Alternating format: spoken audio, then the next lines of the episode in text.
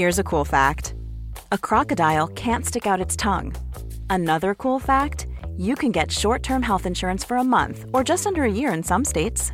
United Healthcare short term insurance plans are designed for people who are between jobs, coming off their parents' plan, or turning a side hustle into a full time gig.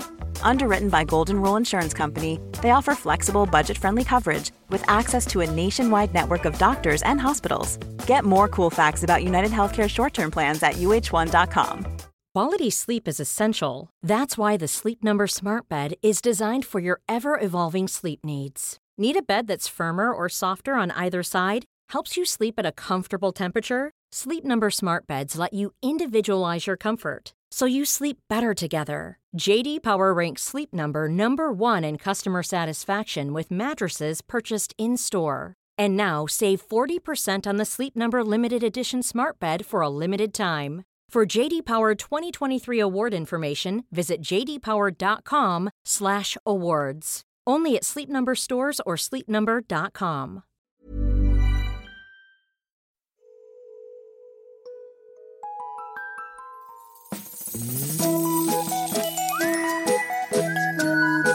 Hello kids och välkomna tillbaka till podcasten Mina vännerboken. Intervjupodden där jag, Robin Berglund, försöker skaffa nya kompisar. Du som lyssnar får gärna gå med i Facebookgruppen Mina vännerboken Eftersnack och varför inte bli Patreon också. Skänk valfri slant där för att få tillgång till exklusiva avsnitt och såklart stötta den här podden. Veckans gäst då, kräva ingen närmare förklaring. Men ändå, tv-människa mest och bäst på podd i Sverige, böcker, filmer, radio och så vidare. Gammal idol till mig. Eller nuvarande också, men det är liksom svårt att ta den typen av ord i sin mun när man är 30. Men det är väl någonting som jag får jobba på i så fall. Det tar jag till mig. Så glad för att det här eh, skedde är jag. Hoppas att ni är det också. Håll någon hårt i handen hörni, därför att 145 sidan i Mina vännerboken Fredrik Wikingsson!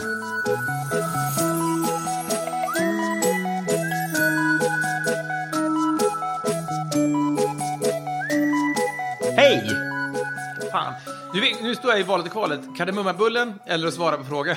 Det blir kardemummabullen. bullen. Den är för frestande.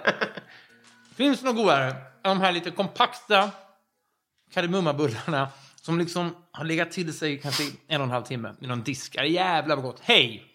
Du började kardemumman-komplimangen innan jag ens innan någon hade smakat. Jag tycker den var lite torr. Jag hade faktiskt nibblat lite innan. Jag tyckte nog att, jag tycker också att det- om den är för fuktig, då känns den svettig också. Jag vill att det ska vara lite småkaketort. Ja, men då har du kommit rätt. Ja. Eh, inte i rummet står det ingen elefant, men i mitt huvud, litet en elefant. Jag är gammalt fan. Jaha. Jag ver- är verkligen, alltså verkligen så. Eh, jag ska visa en bild sen när vi såg för första gången. Men jag har varit på inspelningar, jag har varit i Globen, jag har varit på... Eh, jag, alltså, armbågade mig fram i kön till Peace and Love. Eh, Är det sant? jajamän. Okej. Spelade in det, lärde mig alla låtar. eh, ja. Otroligt! Ja, för det, sånt där blir blir jag givetvis... Jag är inte så jävla arrogant att jag säger gud vad kul. Och så släpper man det. Jag tycker det är orimligt, men jättekul också. Men sånt där är alltid när man... Sigge Eklund är en kompis till mig nu, men det har inte alltid varit så. Och han, första gången vi träffades så var det på en boksignering. Vilket jag inte minns, för en boksignering är ganska mycket löpande. Äh, liksom så här, man sitter, hej hej, vad heter du då? Du vet, och så skriver man någonting. Om man är bakis så skriver man något vulgärt och är man inte det så skriver beroende på målgrupp och sådär. Ja. Nioåriga tjejer blir Men det väl hundratals som passerar, antar jag.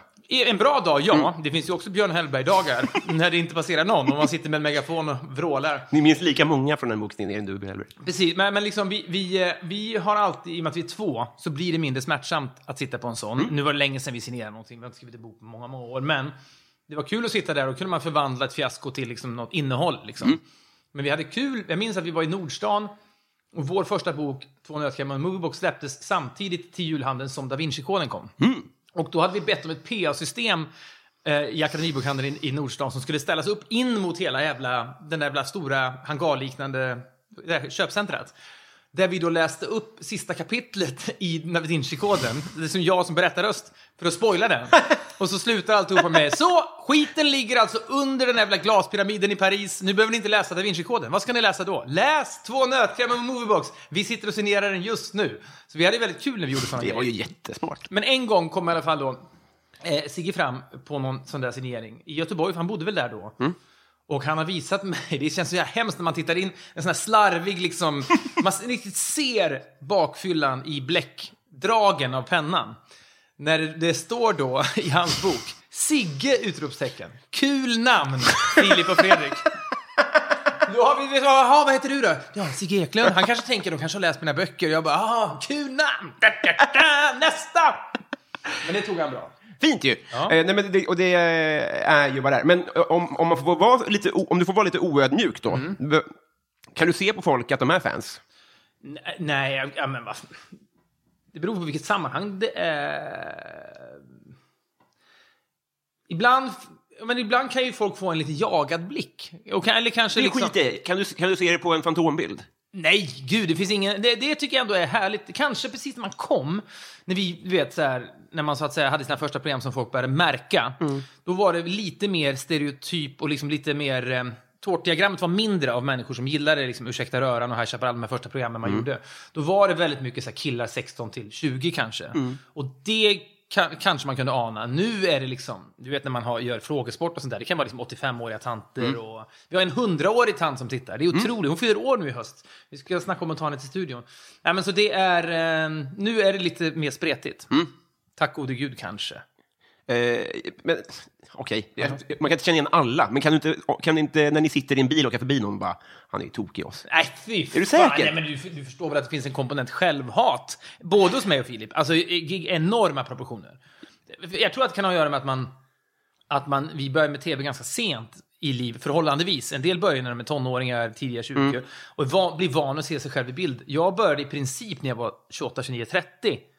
30 jag firade min 30-årsdag på ett nakenkonvent i USA med Filip och ha- han skulle strippa och jag fick då som motprestation ta hans köns, könshår som en mustasch. Du vet, här, barnslig. Ja, vet, så. Men det var ändå något lite mörkt att det var ens 30-årsdag. Man firade med Filips jävla könshår som en mustasch och man käkar hamburgare och de liksom blåste in i munnen. Ja, Vedervärdigt.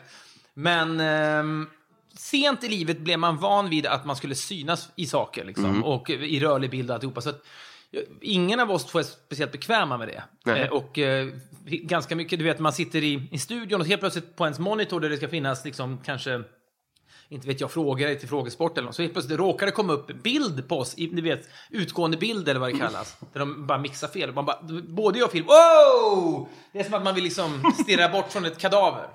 Så att eh, självhatet är is strong with this one. Ja, eh, det gick inte att dyrka upp den helt enkelt.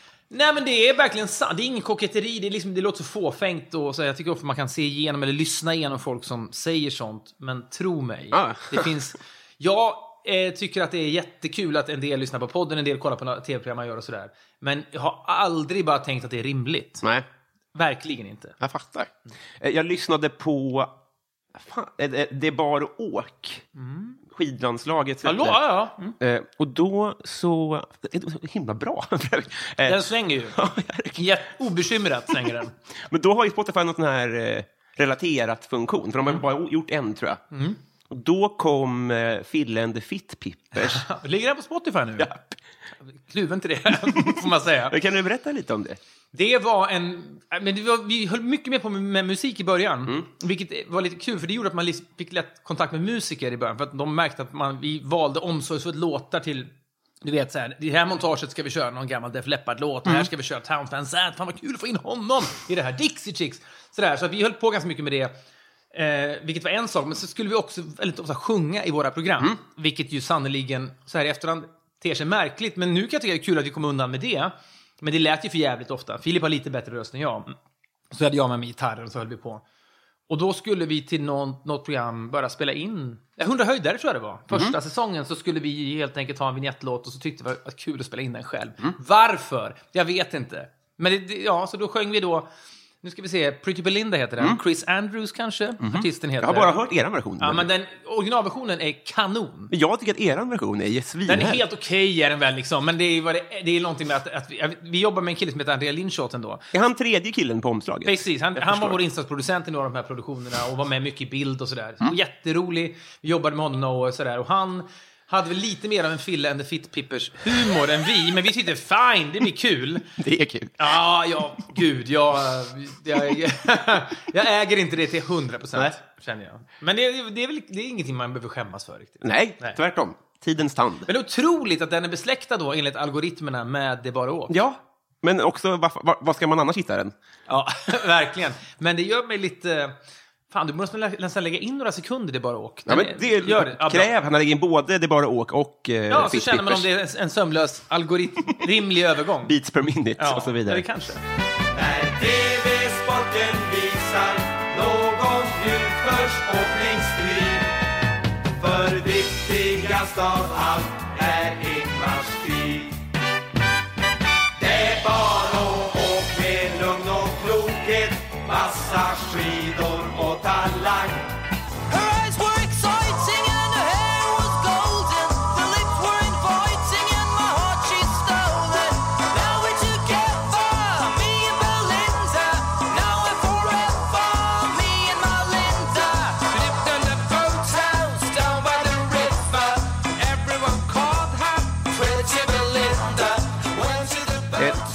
här, jag tror du ställer det här, för det kanske kommer framstå som kränkt av mig. Men jag tror inte att det kommer, jag, jag hoppas inte det, för att jag känner inte det, för att jag eh, tar inte illa upp.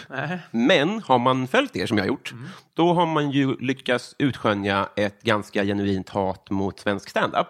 ja, faktiskt. Ja. Ja. Eh, Det är jobbigt nu, för det är många som lyssnar här som, som gillar standup, förstår jag, och eh, kanske ägnar sig åt det också. ja, det tror jag verkligen. Mm. Men, jag tänker inte backa. Nej, bra. Nej. bra. Nej, nej, nej. För jag, jag, jag har inget att jämföra med. Jag vet inte hur den belgiska scenen ser ut. Nej. Alltså, jag, vet bara, jag är så liksom inne i ankdamm. Ja. Så jag tänker inte gå i försvarsställning. Men förklara dig. Men Jag tycker, bara, jag tycker väl att jag kan, liksom, när det är på absolut liksom, Messi och Ronaldo-nivå. Mm. Jag har, väl, jag har ju varit och, fan och sett liksom, Louis CK i Globen. Jag, det är inte så att jag skyr stand-up som pesten. Jag så- såg Seinfeld på Cirkus och liksom så här. Det låter ungefär som man såg Springsteen på Konserthuset 75. Men så att, när det är på den nivån, men det, Mm. det, det, det känns för mig som att det är en konstform som måste vara på absolut Messi-nivå. Mm. För annars blir det två plus. Det, är det, det, går, det finns ingen tre eller fyra plus för mig. Det finns fem plus och där är det så jävla bra. Mm. Och jag vet, inte, jag vet inte om det handlar om skådespeleri, att de är skickligare på att till synes komma på någonting i stunden. För det är vad stå går ut på ju väldigt mycket. Om man inte är gudabenådad improvisatör, Mm. som väldigt få är, framförallt om man gör Globen eller Cirkus. Då måste man skapa illusionen att det här kommer jag på typ nu och jag har din taxi hit. Så. Annars, för sitter man och, om det klingar det minsta falskt, så sitter man, nej men det gjorde du inte, det tror jag inte på, det här har du tänkt ut innan. Lägger du på ett lager av nervositet då dessutom, och liksom, jag vet inte, det, det, då, då bara, det bara faller. Det är någonting... Vi gjorde ju ett stand-up-gig, jag och Filip. Jag, jag tror inte att det har liksom färgat oss. Eh, för det, är, fan, det gick så dåligt för oss, vi hatar den här konstformen. Men det var bara mer intressant att 2000... Jag brukar säga att det, vi hade vårt standup-gig en minut innan YouTube kom. Vilket är det bästa, bästa tajmingen för att göra någonting första och enda gången. Men då var det i, eh, på Rubinen i Göteborg, hon Sissi som hon heter där nere som, som kör massa grejer, hon bjöd ner oss dit. Va?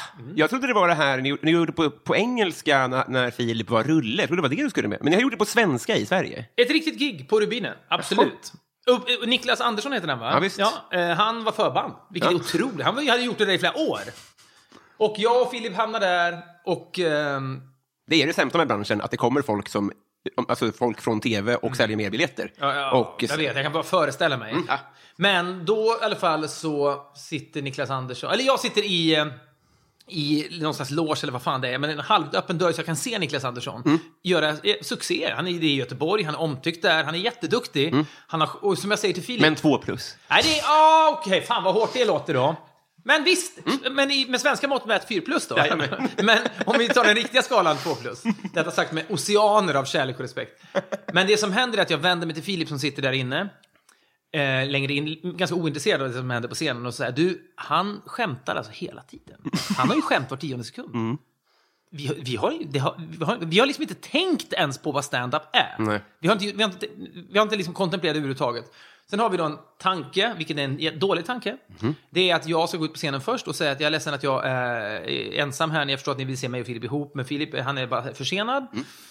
Han kom en dag tidigare och så var han ute och festade med Broder Daniel-gänget igår. Så att jag, eh, jag hoppas han dyker upp här åtminstone. Och sen var tanken att han skulle komma in på scenen i sjömansdräkt med massa stjärnor under ögonen och sådär. Som en kul, du vet, så här, han har, nu har han blivit, du vet, inte i Göteborg. Och jag frågade Cissi innan, så här, kommer folk att fatta det här tror du? Liksom så här, ja, det blir skitkul, säger hon. Eh, van att handskas med liksom, de här riktigt stora standup-stjärnorna som vill höra ja. Så jag, jag, jag skyller inte på henne, men jag, jag var ganska trygg i att den här referensen, det här skämtet kommer funka. Det blir kul. Så när Filip då kliver ut på scenen i sjömansdräkt med stjärnor, det är ingen som folk bara stirrar på honom som att han är helt dum i huvudet. Han tror heller inte riktigt på skämtet, märker man. Nej. Och inte jag heller. Så det är bara, det blir bara stendött. Och sen ska vi då köra nio minuter, är det sagt. Jag tror vi körde 55 kanske. Va? Ja, men det var ju inte stand-up. Det var egentligen så kan man säga att det var en förhistorisk podd. Vi satt ju bara och gaggade. och så, fan, Hagamannen var på tapeten och pratade om hans klädstil och du vet så här. Så det var ju verkligen opanchat. Jag är jätteglad att ingen filmade. Men det var ändå inte ett fiasko. Alltså, ingen skrattar ju. Men det var inte så att folk tappade intresset heller. För vi pratar ju om riktiga saker åtminstone. Liksom. Men det var vår första och enda erfarenhet av det där. Jag tror inte att, att det gjorde oss bittra och därför så, nu hatar vi stand-up. Men det är någonting med det jag älskar med podden, och det är inte min podd, utan podden som fenomen, när människor pratar med varandra, att man behöver inte riktigt förenkla så mycket. Man kan problematisera. Eh, och man kan liksom, om, om Filip säger någonting kan jag säga, men vänta nu, stämmer det verkligen? Och så kan jag ta det åt ett annat håll och han får, den tesen prövas plötsligt. Jag säger inte att stand-up inte problematiserar. Men det, om det ska bli tydligt, snabbt och kul, då måste man förenkla så jävla mycket. Och då är det väldigt lätt, enligt den lilla erfarenheten jag har, att politiker är skattefuskare. Och det här, de, man, man sorterar in, världen blir ganska liksom förenklad. Och lite, jag tycker bara det är lite tråkigt. Och det är liksom de, jag har varit på Big Ben några gånger när kompisar har uppträtt där. Jag har ju sett ett och annat. Jag kan inte prata för hela branschen. Ibland kan vi slentrianmässigt sabla hela branschen på ett sätt som jag förstår stör människor. Men jag backar inte riktigt heller. Jag störs noll av det.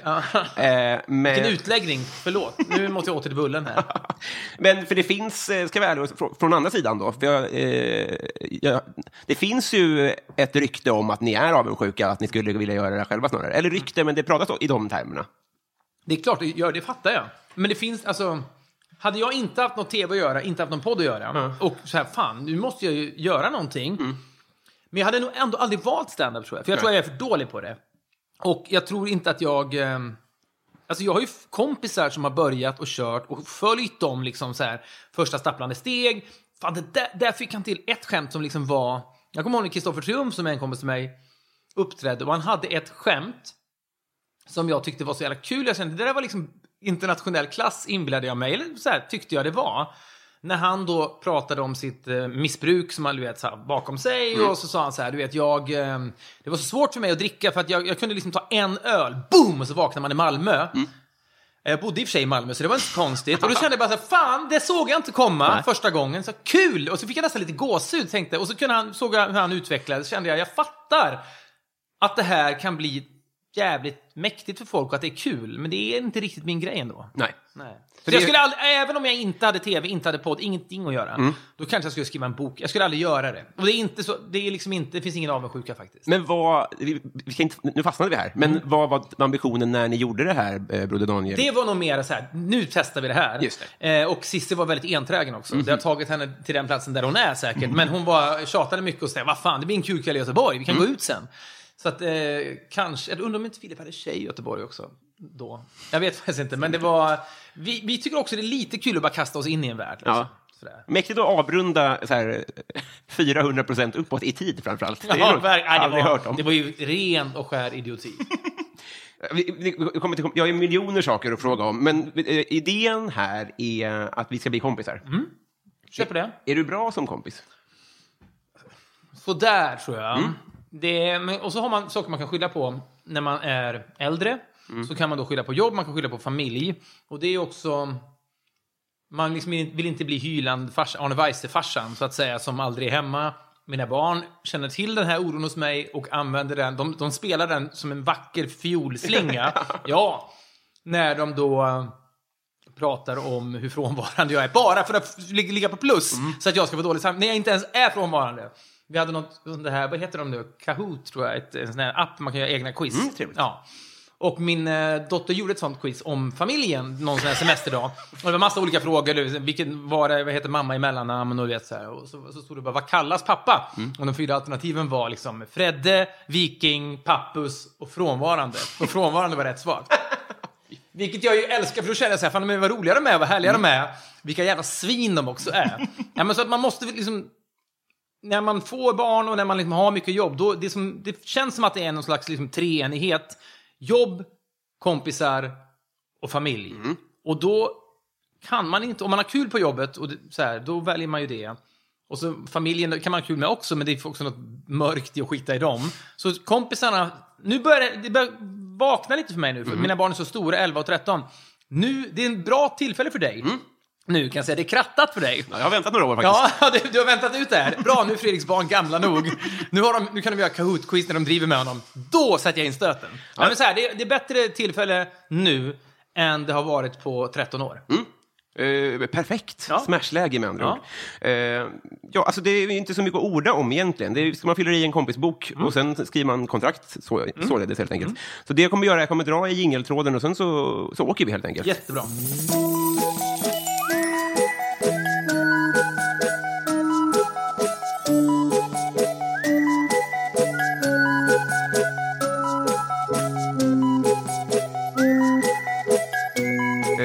Fredrik, hur gammal vill du bli? Ja, man vill bli gammal förstås, men man vill också, man vill hellre, man hoppas ju på den här, det här trollslaget av forskning som gör att plötsligt kan det vara skitkul att vara 95. Eh, och att det hinner komma. Det känns som att det är ett race mot tiden lite grann. Att eh, jag är liksom, jag, är 40, jag fyllde 47 häromdagen. Barnen sjöng för mig och eh, min yngsta dotter vrålade direkt när låten var färdig. Jag har precis vaknat. Tre år till 50! Vilket ju, är, ja, det är också ett sätt bara att liksom jävlas. Vad vill de få ut av det här? Nej, bara få mig att må, lite dåligt och så på något sätt kan de... ah, Det, det var ju dumt av henne. För det rök ju många ridläger och sånt med den kommentaren. Det var idiotiskt av henne. Men det, det, var, väl, det var väl omöjligt att stå emot då helt enkelt. Men eh, de kommer ju, känns som att de har mer tid. De kommer ju få en bra ålderdom på ett annat sätt. Det känns ju som att... Jag vet inte, men säg, dra till med 97 då, men att det är bra 90s. Ja, just det. Eller 107 då. Men är det knallfall vid 97 då? Eller 100? Ja, knallfall. Sömnen kanske? Ja, sömn, vi kör sömnen. Mm. Men för, eh, det är roligt eh, för att ni har ibland pratat om att ni ofta blev eh, ihopklumpade som så här, buspojkar Mm. och sånt. Och nu så eh, hånar din dotter dig för att du håller på att bli 50. Ja, verkligen. Kan du njuta av det här mellanläget? Hur kände du dig hemma? It's a blur! Nej, faktiskt inte. Men det är också lustigt för alla, om recensenter och sådana som skriver om en är äldre, om de är 60, då, då kan de fortfarande använda den typen av terminologi för att beskriva oss. Och Just det. skiter väl jag i, de får beskriva vad fan de vill. Men det är något lustigt i det att man kan både känna sig liksom lastgammal, ja, men så här, 50, det går inte liksom... Det går liksom inte att skämta bort. Nej. Jag vet folk som har passerat 50 och tycker livet är toppen, men det är klart att det är en... Jag minns när jag fyllde 40, det här ska vi inte fastna i, men när, när jag fyllde 40 och bara så här ska resa med en soffa hemma och bara, och det här är inget fysikaliskt, utan mer bara, jag ställer mig upp och så bara inser jag 40, 30 till 40 gick fort, när, lika fort till 50, då var jag tvungen att sätta mig, inte för att säga åh pappa är gammal, börjar bli snurrig, utan jag bara nej, det här måste jag ta in nu några sekunder. Nu är jag 47, 50, det är liksom det är inte klokt. Man kan lura sig själv att man säger 43, det är liksom man har sett bilder på liksom Paul McCartney när man var 43, så fräsch ut, häktad med gräs i Tokyo och så här, du vet. Men 50, är in, ingen är ung när man är 50. Nej. Så det, det, det får man, om man inte kan liksom öppna upp för, det kan bli en jävla smällkris, då lurar man sig själv. Men eh, ja, Eh, du fick, om du fick en eh, kostnadsfri, riskfri operation, och typ skönhets då eller någonting. tolka helt fritt. Men det är, man skulle vilja gå in till någon duktig jävel Mm. och så bara så här, ta det här ansiktet och gör vad du kan. Gör saker, jag har, inget, jag har inget konkret som jag vill förbättra, Nej. Mm. men bara kratta för att inte raset, det enorma raset kommer plötsligt. Förebyggande? Ja. Jag förstår. Precis. Så att det inte blir det här från liksom så här himmel till pannkaka. Mm. När det plötsligt, vad fan hände med honom? Nej. Men är det inte ofta pannkaksvändningen sker väl ofta i operationssalen? Är min bild. Ja, men det är det som den här läkaren ska garantera att det inte blir så. Mm, just det här är en bra läkare. jag förstår. Men det är det som ingår i annars får jag skita i det. Det måste just vara det. en läkare som är otrolig. Ja, just det. Som säger att jag kommer att göra nu en serie ingrepp Mm. som inte kommer, när du vaknar upp så kommer du ha ont i ansiktet, Mm. du kommer se lite förjävlig ut några dagar. Och sen kommer du vänta dig att du kommer se ut som en nyponros. Mm. Det kommer du inte göra, men nyponrosen kommer att ruttna senare tack vare detta. Det skulle jag vilja göra. Ett roligt avsnitt av The Swan när du avtäcks och ser likadan ut. Ja, men det kommer... I fem år till. Precis. Det, det, det är en delayed payoff. Eh, jag tror på fullmåne. Vad är det flummigaste du tror på? Du tror på det? Alltså, ja. Lite, okej. Ja, men jag har ju lite eh, så här eh, OCD-iga grejer att jag vill att... Eh, men det är ingen slump att de här glasögonen ligger så exempelvis. Nej. De ska, det ska luta uppåt. Det här är lite ovanligt. Det är för att jag kommer inte åt den annars. Annars skulle den stå så där. F- Fejsa med muggen då. Ja, sätt. men att, att handtaget ska peka snett uppåt höger. Snett uppåt höger är liksom min eh, riktning. Ja, ja, ja. Mm. Så där, och jag går alltid in med en vänsterfot först Mm. i lägenheten. Allt som jag gör gör med vänsterfot först. Så jag har den där typen av grejer. Det är ju idioti. Och tro på, tro på, jag gör det ju varje dag. Mm. Och har haft det med mig sen liksom högstadiet och ska duscha, jag duschar på ett visst sätt. Och har viss, jag så här fåniga grejer. Jag vet inte om det är vidskeplighet eller vad det är, men det tror jag väl på då. Lite, Ja. Någon, någon, någon, det känns som någon balans i hjärnan på något sätt. lite så kanske. Det, det, ja, precis. Det, då kan man slappna av. Mm. Det finns någon gammal historia, det finns en film som heter Bröderna Mozart som kom, det var sista filmen Palme såg innan han sköts ju. Och Susanne Osten regisserar den och då är det en sekvens där huvudpersonen som spelas av Etienne Glaser som är en yr kulturman liksom som jobbar på Operan. Han försvarar skådisars vidskeplighet inför någon producent som tycker kan de inte bara jobba? Och då säger han de här människorna måste kunna flyga fritt.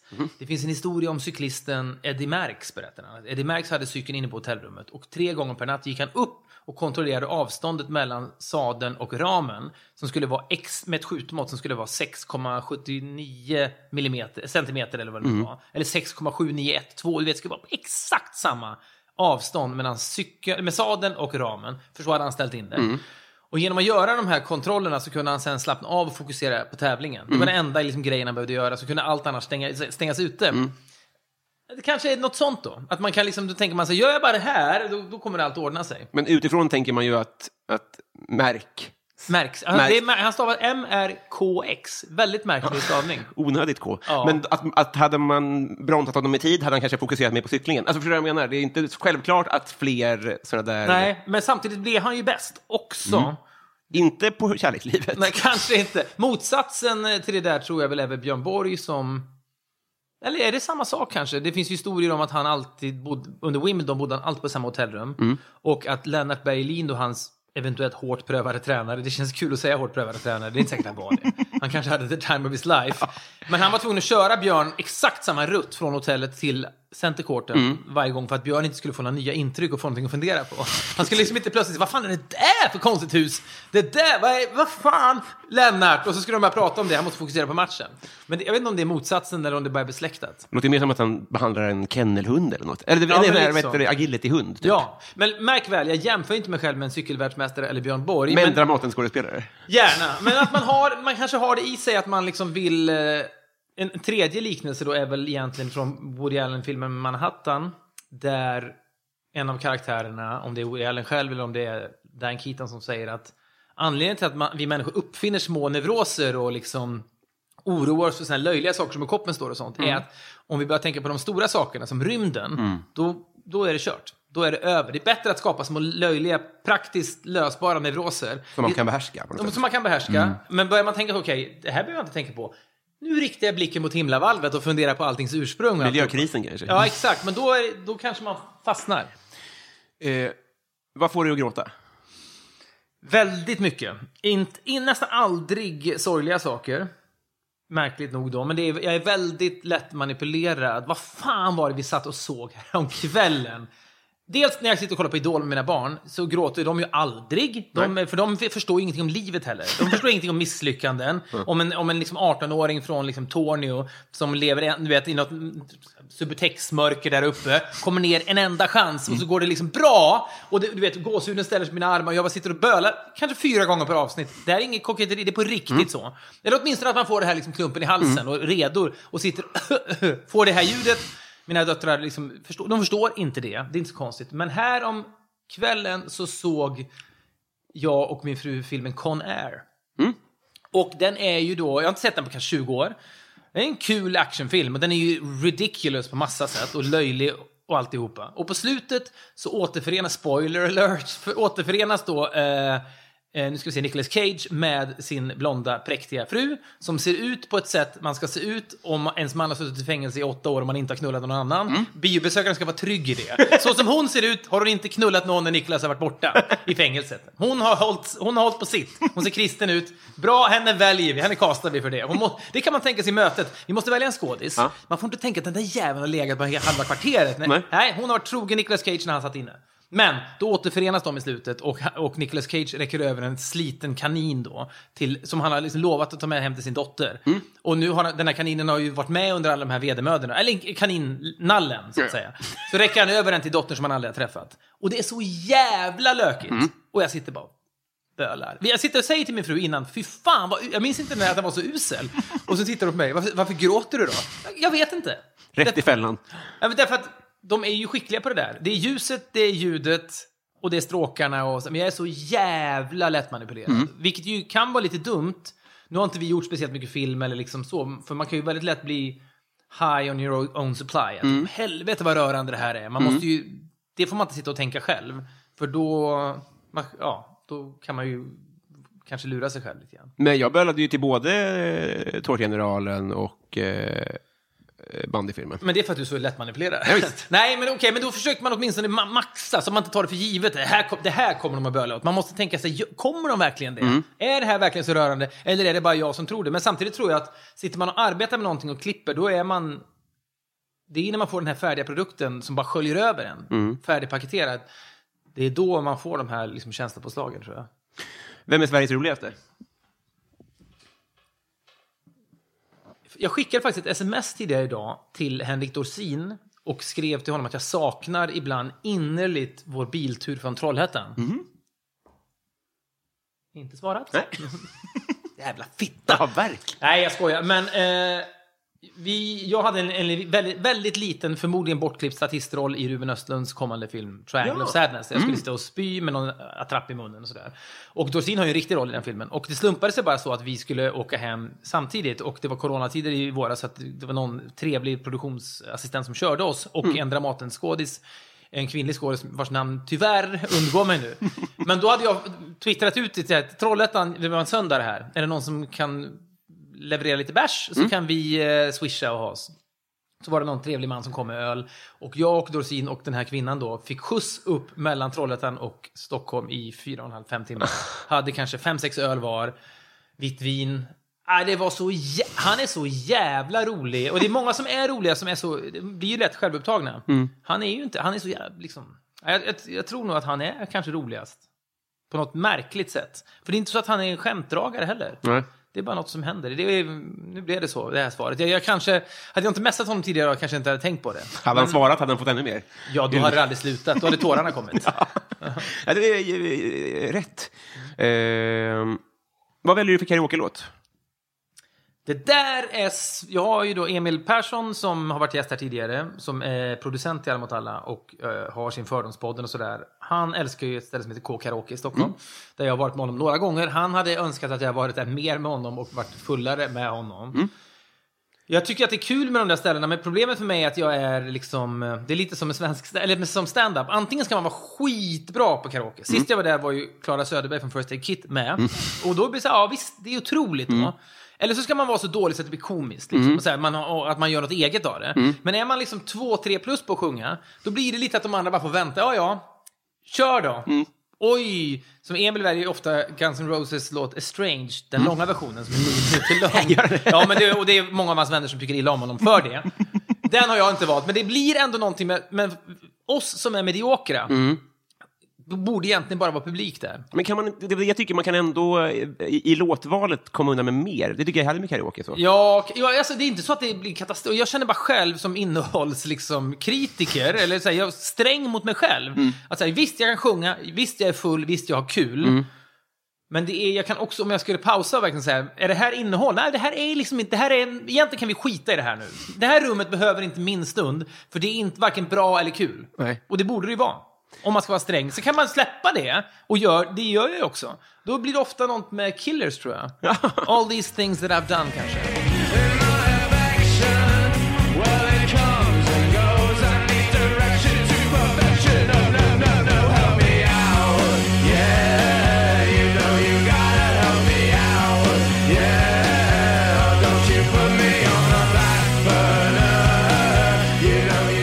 Finns det fler stunder från ditt privata där det blir ännu eh, mer deppigt att du blir en innehållsmänniska? Nej, men jag, så här, det låter ju så här... Eh, bedrövligt med människor som säger åh jag är innehållsmänniska, man borde korta i allt och du vet så här. Så är det inte. Men Nej. karaoke, då tycker jag aktuellt. För det är ju, då är det ändå show man En ger sig scen. in i. Ja, och en liten scen och så vidare. Sen vet jag att det är ett fylleslag och det är något annat liksom. Och det är liksom en, en, eh, coronamikrofon som vandrar runt där inne. Men så att jag, jag är verkligen inte så att jag sitter och så här eh, redigerar i huvudet när jag käkar lunch med någon. Nej. Nej. Eh, vem får ofta höra att du är lik? Jag brukar säga att jag ibland utomlands får, får eh, höra att jag är lik Leonardo DiCaprio för att det stör människor. För en gång per sommar brukar jag lägga ut en bild med solbriller där jag skriver att, på Instagram där jag skriver att eh, nu är det tre turister som har gått förbi och viskat om Leo. Vilket inte riktigt stämmer. Någon gång har det hänt. Men det stämmer inte. Men folk blir så jävla irriterade. Jag kan förstå det. Ja, för, men det finns ju någon kvinnlig modell jag för fick höra att jag var jättelik, så hon var lite androgyn sådär. Jag vet, fan, det är svårt. Ja, det är jättesvårt att googla det. Eh, så finns det också en bild på Alain Delon. Om du googlar, eller den som lyssnar googlar, Alain Delon, Mick Jagger och Marianne Faithfull tror jag. Sex ord jag inte kan stava. Här. Alain Alain. Delon, Eh, D-E-L-O-N. Och så Mick Jagger, räcker Ja, nog. det, ja, Ska vi se, jag går runt och sitter här. mycket spännande. Där. Den där bilden. Precis, den kommer Den. Ja. Eh, det, det som är kul med den där bilden är ju då att Mick Jagger är ihop med Marianne Faithfull, det är 60-tal och de är it-couple. Och Alain Delon är elegant i kostym och Marianne Faithfull tycks bara ha ögon för honom plötsligt. Mick Jagger sitter bredvid i soffan och ser sur ut. Och den har skickats till mig många gånger och folk tycker liksom att det ser ut som en ung jag. Jag vet inte. Men Mick Jagger ser ut som en grönsak här också. Ja, lite så faktiskt. Det är lite Haw- Hawking-läge på honom. så jag förstår att Marianne Faithfull låter blicken vandra. Verkligen. Men jag säger så, herregud, nu säger inte jag att jag är lik två av världens vackraste män. Men det är, de, det, det är väl liksom som... När man, jag spelar golf ibland och när man slår bort en boll så letar man alltid först där man hoppas att bollen ska ligga. Och så ligger den aldrig där och så ser man bort mot det här riktigt röviga gräset och så här, jag kan, nej, jag, jag släpper den där. Jag får, jag får droppa eller jag får gå tillbaka. Det är lite grann med lookalikes, man liksom letar bland om man vill vara lik. Så finns det säkert någon jävla kommunalråd någonstans liksom, som jag är lik också. Men det är roligare att droppa dem där. Verkligen. Ja. Eh, vad är det ondaste du har haft? Oj. Mm, mm, mm. Det var en gång när vi var och filmade i Japan, i Tokyo. Och min fru var med, för hon ville se Tokyo och vi skulle filma i Tokyo. Och så skulle hon vara med i några dagar och sen skulle hon flyga hem och så skulle eh, vi fortsätta. Jag tror vi skulle, egentligen skulle vi till Papua Nya Guinea och filma. Men precis dagen innan vi lämnade Sverige så ringde de och sa, och Papua Nya Guinea är ju extremt, liksom, eh, vad ska man säga, eh, lantligt, eller vad ska jag säga, outvecklat. det, är, alltså, det, är en av, de- det, det sägs finnas kannibaler där fortfarande, jag vet inte. Men det ska vi ut, nu, nu kör vi ett program, vi bara är i djungen liksom. Och så Ja, det får- där är de, de, de, öar utanför där, där de kastar spjut på en.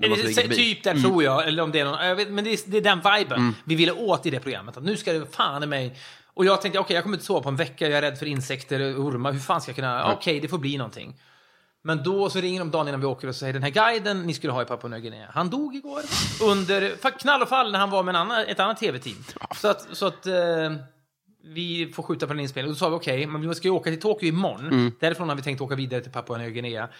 Kan vi göra någonting när vi ändå är i Tokyo? Kan vi göra ett program till då? Okej, men bilar på japanska landsbygden har man ju aldrig gjort. Det kan vi testa då. Så det var planen. Men då i alla fall sista morgonen när min fru var där så skulle vi eh, älska med varandra på hotellrummet. Och då hade vi druckit väldigt mycket dagen innan. Eh, så vi var ju bakis båda två. Och precis när jag skulle komma så gjorde det så ont i mitt huvud så att, så att, det, svart, så att det liksom svartnade och jag trodde på riktigt att jag hade fått någon jävla hjärnblödning. Ja.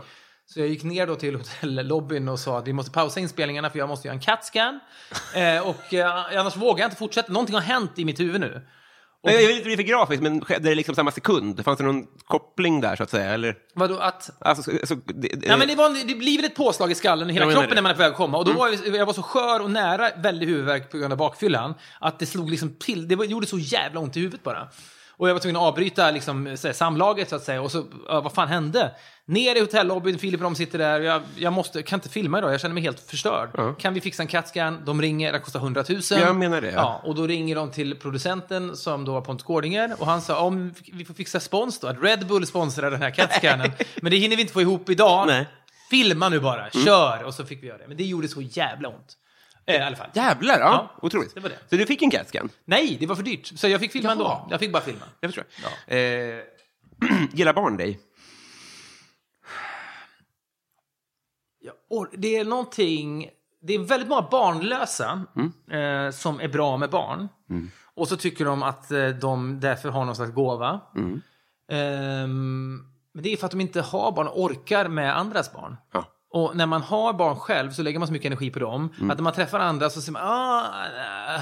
Inget pirr kvar? Man har inget, man har inget pirr kvar. Man har, det är svårt med pirr med, redan med barn två om man har två stycken. Du vet, det första kommer, ah, allt är otroligt. Barn två, hmm, det är mest jobbigt nu. Eh, och så får man gaska upp sig givetvis. Men att då träffas, träffa andras barn, jag var i USA och träffade Philips barn, då för, försöker man, men man har det inte. Det Nej. är något sorgligt, det är som en, liksom en fotbollsspelare, Glenn Hysén sista säsongen i Liverpool, jag vet inte om han var så dålig då, men den där känslan, du vet, Brolin i Leeds, jag vet jag, men när man säger de, de har det inte längre. Mina barn har vuxit upp, jag tror inte jag kommer få fler.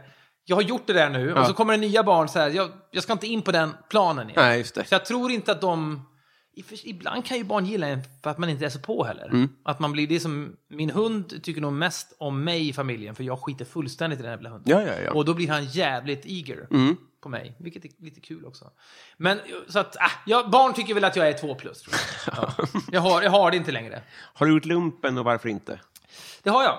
Eh, reguljär, vanlig lump. Och varför jag gjorde det kan man fråga sig snarare då, i mitt fall. Och det är mest för att jag tog studenten och visste fan inte vad jag skulle göra riktigt. Så kände jag, jag behöver nog, visst, somliga då, äh, då kan man resa i Asien ett år. Det, det kunde man inte när man kom där. Alltså ingen från juni skärde jag och ingen stack till Asien ett Nej. år. Framförallt inte 92, 93. Liksom. Det var, då, gjorde man lumpen, för man gjorde väl lite som man blev tillsagd. Fick man inte göra lumpen? Det gick lätt att gå in och pissa på någon lyktstolpe och spela dum. Eller Ja. liksom, så här. Det, det var jättemånga som fejkade liksom, som sinnessjukdom. Och så. Mm. Men jag kände väl också att äh, jag, någonstans är jag ganska så här auktoritärs benägen. Att Mm. liksom, auktoritet, jag tycker det är lite kul att lyda också. Om någon säger till mig, gör nu det här. Så jag, jag har liksom... Ja, men min vanliga historia har jag dragit tusen gånger med det. Jag kommer ihåg att jag var på Spybar någon gång 90-talet och var för jä- för jävla full men lyckades komma in. En vakt kommer fram till mig och säger hur fan mycket har du druckit egentligen? Och, och jag kommer ändå ihåg det här att liksom, ja men det var ganska mycket. Du, stå kvar här nu. Jag måste gå och hämta någon för det här måste vi göra någonting åt. Sen står jag där vid någon jävla liksom, stolpe då där inne och så har händer det något mer akut så vakten glömmer mig. Och kommer tillbaka kanske tre timmar senare, då står jag fortfarande där. För han har ju sagt det. Och jag vågar inte röra mig. Det hade ju många andra som är lite fulla. Fan, nu är vakten borta. Du drar jag in i vimlet. Så kommer han och glömmer. Men jag stod ju bara där och väntade. Så sa han, fan står du fortfarande här? Är du så jävla full? Ja, då får vi kasta ut dig nu. Så jag tror att lumpen var så här, så här ja men nu får jag åka in där, Östersund, tio månader. Och bara liksom underkasta mig något, fundera fram vad jag vill bli. Det var lite bra för mig. Det var en jävligt cool kille som jag gjorde lumpen med, en enda stockholmare jag hade träffat då. Som heter Niklas Möller som hade massa coola så här, tidningar med sig från Stockholm. Man fick liksom så fan, tidningar för mig var liksom Sundsvalls tidning och liksom, det var vad, vad media var. Men va, va, va, varför fanns det inte tidningar? Ja, men i- man, jag gick inte in, åkte inte in till Sundsvall och köpte musik. Jag, Nej, jag fattar, jag hade inte den visionen riktigt. Man, ibland behöver man någon som bara kastar det på en. Liksom. Mhm. Du, det här finns också. Och han hade med sig, liksom, tidningen Pop hade precis startat, han hade med sig Nöjesguiden och sånt där. Så Mm. fan, här skriver Jan Gradvall liksom fyra sidor om hur man ska dricka en espresso. Stående vid en zinkdisk och du vet, så här, vad fan är det här för någonting? Ja. Det är bara lekstuga. Jag trodde att tidningsjobb var att skriva om någon bro som har liksom invigts eller någonting. Så då, jag, det var en väldigt bra månad att lära känna den här mannen som hade den här spännande historierna från liksom den stora världen på något sätt. Ja. Och eh, bara, jag tror att jag bestämde mig för, fan journalist kanske man kan bli. Ja. Och så sökte jag till journalisthögskolan efter det där. Så det var ju ganska bra för mig alltihopa. Kom in på journalisthögskolan, så det var nog lite... Annars hade man varit någon sån här KTH idag tror jag. Ja. För jag pluggade, jag gick natur och sådär liksom. Eh, världens äckligaste mat? Du vet, jag har kanske smakat 11 maträtter i mitt liv. Men jag är så jävla dålig. Mm. Jag vågar liksom inte smaka mycket. Nej. Och i, i yngre år när jag inte var så liksom så här jaded och man var lite mer osäker kanske så brukar jag ljuga om allergier och sånt där. Men Mm. nu tycker jag det bara, äh, jag vågar inte. Nej. Här är, nu är kräftor. Vågar inte. Nej. Aldrig ätit kräftor. Jag pallar inte bryta upp och så här. Nej, nej. Har du nej. aldrig ätit kräftor? Aldrig. Krabba, aldrig ätit krabba. Svampar, aldrig. Så att jag äter väldigt lite. Olika saker. Och därför vet jag inte så mycket äckliga saker heller. Mm. Nej, jag menar jag håller mig på liksom familiar territory. Men jag har ju, det är inget kul svar, men koriander är ju, förstör ju allt. Alltså, om, det är liksom, om någon i samma rum typ äter koriander och det blåser i fel riktning så är det typ hela, hela alla de gånger jag har köpt safea maträtter där de oannonserat har liksom bara lagt på för kul lite koriander, för det är festligt, tycker vi folk om. Och jag har stormat ut ur dessa restauranger, besviken. Men sjunkit ihop först. Här också. Hur kan... Du vet, man försöker säga, hur kan ni? Hur kan ni lägga på... Det står ju inte att det. Förstår ni inte? Att det är en dealbreaker? Ja, men det är en dealbreaker och en vattendelare. Det, och det är så här uttjatat, herregud. Men det är ändå sant. Så att det tycker jag verkligen... Det, har förstört, det är nog det som har förstört flest måltider. Ja. Persilja där och nosar också. Jag försöker säga, man köper en kebabrulle eller något, ingen persilja tack. Och så tar man den här tuggan, så kommer den här ganska fräna persiljedoften. Och så vet man att nere i den här rullen nu kommer det finnas mer persilja. Det. Och det kan jag inte pilla bort. Men skulle det inte vara ett nyårslöfte att öppna fyra av de här dörrarna? Kanske. Jag känner jag var på väg på någon jävla middag på... Det fin- det finns en våldsamt fin restaurang som Alex Schulman skulle bjuda mig på. Mm. Svartengren kanske den heter. Någon sån här, ja, men det är väl kanske enda svenska med tre stjärnor eller något, jag vet inte. Och det är så avsmakningsmenyer och... Och det är så här, okej, det kan bli kul, det kan bli poddinnehåll typ. Alltså, men det, är bara, det är bara att äta. Tvinga dig själv att stoppa in det i munnen och svälja det. Det går ju. Och då, jag, då kanske jag kan växa som människa, sen blir det inställt av någon anledning. Så, sen dess har den ambitionen har stannat av. Ja. Eh, jag har alltid rena fötter. Vad har du haft kroppslig tur med? Vågar man ens säga någonting? Alltså, än så länge så har jag anständigt mycket hår. Det har jag. Och det är varje gång, jag var och klippte mig bara för några dagar sedan. Och då, eh, det är två saker som alltid händer när jag klipper mig hos min frisör, Momo, som jag alltid går till. Det ena är att han sätter... Heter han Momo? Vad sa du? Heter han Momo? Han heter Momo, han är Klokt. från Kuwait. Ja, men verkligen. Han är toppen. Han eh, sätter alltid upp massa urrivna L, eller du vet, damtidnings eller magasin, så här, eh, sidor på spegeln så jag ska slippa se mig själv i spegeln. Det, är, det är en rutin som han alltid förbereder omtänksamt innan. Och det andra är att han ofta brukar säga Gud vad tjockt hår du har fått den här gången. Men vadå, han tänker först i hela spegeln? Så inte jag ska behöva se mig själv. Jag menar, att, inte se, att sitta i 40 minuter, Ja. länge, han klipper lite för länge också ibland. Och så sitter man bara jag står inte ut med det. Ehm, det. Det är vad det är. Men, men, eh, och sen brukar han alltid vara duktig på att säga Gud vad tjockt hår du har. Ja. Det gjorde han inte senast. Det noterade jag. Jag sa ingenting och jag, så att säga, jag gjorde ingen grej av det. Men jag, för mig blev det, var det här det hände? Var det här kvittot på att nu börjar det lossna? Men jag tar i trä så har det varit bra hittills. Just det. Och Den hyrade Momo. Ja, verkligen. Eh, partytrick samt vill du ha påtår? Eh, jag tar gärna lite påtår. Mm. Och sen kommer jag på att jag har två partytrick. Jag ska suga på det. Du har inga mynt hemma? Jo, fan. Nå, hämta en 50-öring så ska du få se, eller något lätt, något lätt, litet mynt. Så ska du få se mitt eventuella partytrick. Jag vet inte om jag besitter den här förmågan fortfarande. Jag kan välja myntet, så att det är någonting som... Eh, Jag är fel person att fråga, men har vi 50-öringar? jag vet faktiskt inte. Vi hade fråga Alla mot alla vi spelade in förra veckan när 25-åringen försvann. Eh, 25-öringen försvann. 25-åringen. Eh, men så 25-öringen försvann 1988 typ. Det, det vet jag. Men jag vet inte fan hur det är med alla de andra. Här har vi då ett mynt som är då, vad är det ens? Ja, Det är två, vad fan är det? Är det en tvåkrona? Jaha, Ser den ut så här? Nej, men jag har, det här är ingen Nej, aning. okej. Då tar jag, det här är svårt att, beskriva, jag ska försöka beskriva. Jag tar två fingrar, pek och långfingret, trycker mot tummen, sträcker ut ring och långfingret utåt samtidigt. Mm, Så. Lägger myntet på min handled, spänner Får jag handen. filma det här? Ja, verkligen. det? Men det kommer att kunna bli lite antiklimaktiskt, för att inte, jag är inte lika duktig på det längre. Men vi kan prova. Men, ja. Mm. Ja. Det här är då, man tar två fingrar, trycker mot tummen, sträcker ut de andra fingrarna, vrider handleden så långt man kan, liksom medsols. Sen när man vrider motsols så ska den här myntet... Ja. Back in the day så kunde jag få den här jäveln att volta ett varv. Nej. Jo, men nu har jag liksom inte riktigt, jag har ju tröttat, jag har inte liksom... Nej, det går inte längre. Så det var länge ett, ett, ett obejublat partytrick jag hade, att den kunde vä- vända. Otroligt. Att du har Ja. ett, ett knäck där. Ja, Ett, ett knäck så den kan, en sena som smäller till Ja. och back in the day, du vet, den kunde wobbla upp i mina unga dagar. Då kunde den wobbla upp flera varv. Det var Kvadrupel. Ja. Och det andra är att jag kan göra så här. Oh. med min översta led. Att jag kan alltså göra som ett periskop med mina fingrar. Många av mina fingrar. Vad heter de, den dinosaurien? eh, Vad kan den heta då? Den, den som ser ut så. Ja, periskop. eh, Ja, periskop, ja, precis. Periskoposaurus. Ja, men jag kan göra det med... med eh, det är inte mycket till partytrick. Det är liksom... Men det är inga partydödare heller. Det är, Nej, många, det är är sant. ju Det, det. det, är så, det är ganska... Man spänner ju inte bågen så högt. Nej. Man, det, fallhöjden är liten. Jag såg någon som la ut på Insta häromdagen, någon som var gäst hos Jay Leno som, som, som, hal, som halsade en biljardboll. Han hade en biljardboll i munnen som han sög ner och sen försvann den bara. Och sen, för, förmodligen ner i magsäcken. Det, är ju många som, det kan ju folk göra. För det är Ja. saker, och sen kan de använda musklerna för att trycka upp det igen. Jaha. Och få upp den som ett jävla, som de värper Ja. den här jävla biljardbollen. Den är enorm ju. Ja, det var otroligt att se. Det var en story. Jag minns inte vem fan som la upp den. Jag såg det här, men tänkte han kommer bita er när jag sveper förbi, för jag vill Mm. Ja. inte se det. Nej, utan han, han gjorde sådär så försvann Åh, den. Och var borta, i- ner i magsäcken och sen... Det är någon alien-film där Fassbender spelar någon otäck alien som då som gör så med, han värper ägg också. Som han har smugglat på något sätt. Alien Covenant tror jag, slutet. Ja, skit i det.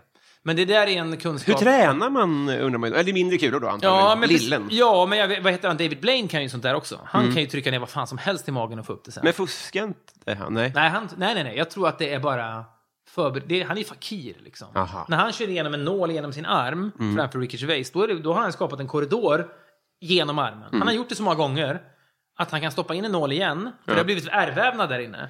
Så att då kan han göra det igen utan att det börjar blöda. Som håller jag en ratt som Ja, inte växer igen. Ja. Ja. ja, det är ju... Eh, Där är jag inte nosar med mina små grejer. Men för mig var det ett partyhöjare. Mm. Eh, vilken är världens sämsta låt? oh, vad, vad bra fråga. Stort tack. Ah.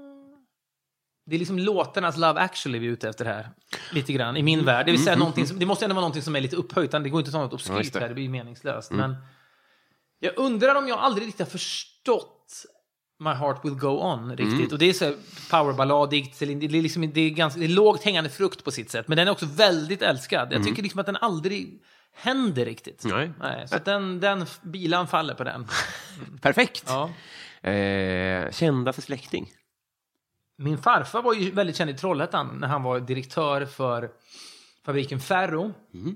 Som kallades i media för cancerfabriken för att det var så mycket ut- utsläpp på 70-talet. Och han levde någon slags liksom, high life i Trollhättan. En Riktig så här Lars Molin-karaktär egentligen. Du vet, representationsmiddagar. Han fick typ, inte skrumplever, men han fick vatten i lungorna för han drack så mycket på alla de här middagarna. Fick ni skit för att ni var cancerbarnbarn? Ja, men vi, jag bodde, bodde alltså flyttade från Trollhättan när jag var ett typ. Ah, ja. så att, och, jag, och jag tror att min farsa var väl vuxen när det där hände. Mm. Men, men det gjorde att farfar hatade journalister alltid. Mm. Och eh, när jag sa att jag skulle bli journalist, då bara stirrade han bara på mig. eh, James Wikingsson. Men, eh, han var nog en profil då, åtminstone i Trollhättan. Jag fick faktiskt mail från någon nu, poddlyssnare, som som frågade just, är du släkt med James Wikingsson? För att de hade någon, något eh, sommarställe på något som heter Stora Kornö i Bohuslän. Mm. Och James Wikingsson var en profil som hyrde hus där på 60-talet. Så kollade jag det med farsan och det stämde mycket riktigt. Pappa minns då att de, det är otroligt, man blir så jävla stolt när There's never been a faster or easier way to start your weight loss journey than with PlushCare. PlushCare accepts most insurance plans and gives you online access to board-certified physicians who can prescribe FDA-approved weight loss medications like Wigovi and Zepbound for those who qualify. Take charge of your health and speak with a board-certified physician about a weight loss plan that's right for you. Get started today at plushcare.com slash weight loss. That's plushcare.com slash weight loss. plushcare.com slash weight loss. Quality sleep is essential. That's why the Sleep Number Smart Bed is designed for your ever evolving sleep needs. Need a bed that's firmer or softer on either side? Helps you sleep at a comfortable temperature? Sleep Number Smart Beds let you individualize your comfort so you sleep better together. JD Power ranks Sleep Number number 1 in customer satisfaction with mattresses purchased in-store. And now save 40% on the Sleep Number limited edition Smart Bed for a limited time. For JD Power 2023 award information, visit jdpower.com/awards. Only at Sleep Number stores or sleepnumber.com. när min farsa är 70 plus liksom. Då berättade han, ja, så jag, jag mötte honom bara för några dagar sedan och så, så, så, så är det som att han går in i trans och så säger han, Stora Kornö. Och så börjar han autoprata nästan, just det. Och så längre ner på gatan bodde ju hon Gunilla, ja. Och då svarade jag till den här killen, ja, farsan bodde i närheten av någon som heter Gunilla. Ja, menar han Gunilla Schelin kanske, skriver den här killen. Ja, just det. Och så pappa bara, ja, jag minns en gång att jag lyssnade på programmet Tio i topp. Det här är 1963. Och att Tio i topp besöker Karlstad den här dagen. Och så spelar de upp låtar. Det är som vad heter det, P3-programmet som reste runt på 90-talet. Liksom Gry Forssell jobbade med, vad heter det? Men du vet, man är nu är vi i Växjö! Och så jublar alla. Så nio på listan ligger liksom Bailando och så kör man liksom. Det här programmet heter då 10 i topp på 60-talet. 1963 är de i Karlstad då. Vi är tja Karlstad! och då sitter pappa hemma och lyssnar i Trollhättan. Då är han liksom, inte vet jag, 13-14 år. Och då så intervjuar de folk i publiken och de intervjuar den här personen från Stora Kornö som han träffar på somrarna. Och han reagerar ju förstås, för att det är en person jag känner som är med i radio. Och då säger han, och jag minns nu att hon önskade låten I will follow him. eh, som var en hit då på den tiden. I will follow him, smör liksom. will follow him, follow him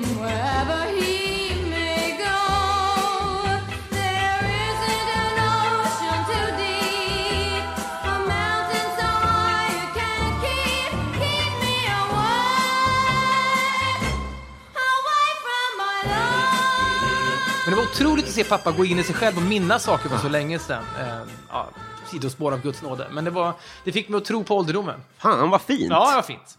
Ehm, har du varit i Romme Alpin? Eh, det har jag med mina barn, ja. Precis. Det var vedervärdigt. Vi hade varit på en middag kvällen innan och blåst på. För jag tänker morgondagen blir ändå ganska soft. Det är buss upp till liksom, Romme. Det är, eh, barnen sköter sig själva. Jag är någon sån här frivillig förälder. Jag kan pl- plugga in lurarna. Det är ingen fara. Och sen vet, riktig spritmiddag med liksom massa grejer. Som det ska vara martinis och grejer. Riktigt drag! Och man känner, det spelar ingen roll! Det är, det är inte jobbigt att vara bakis. Det är den insikten som når en vid halv två. Nu kan jag köra på, för det är inte så jobbigt att vara bakis. Nej.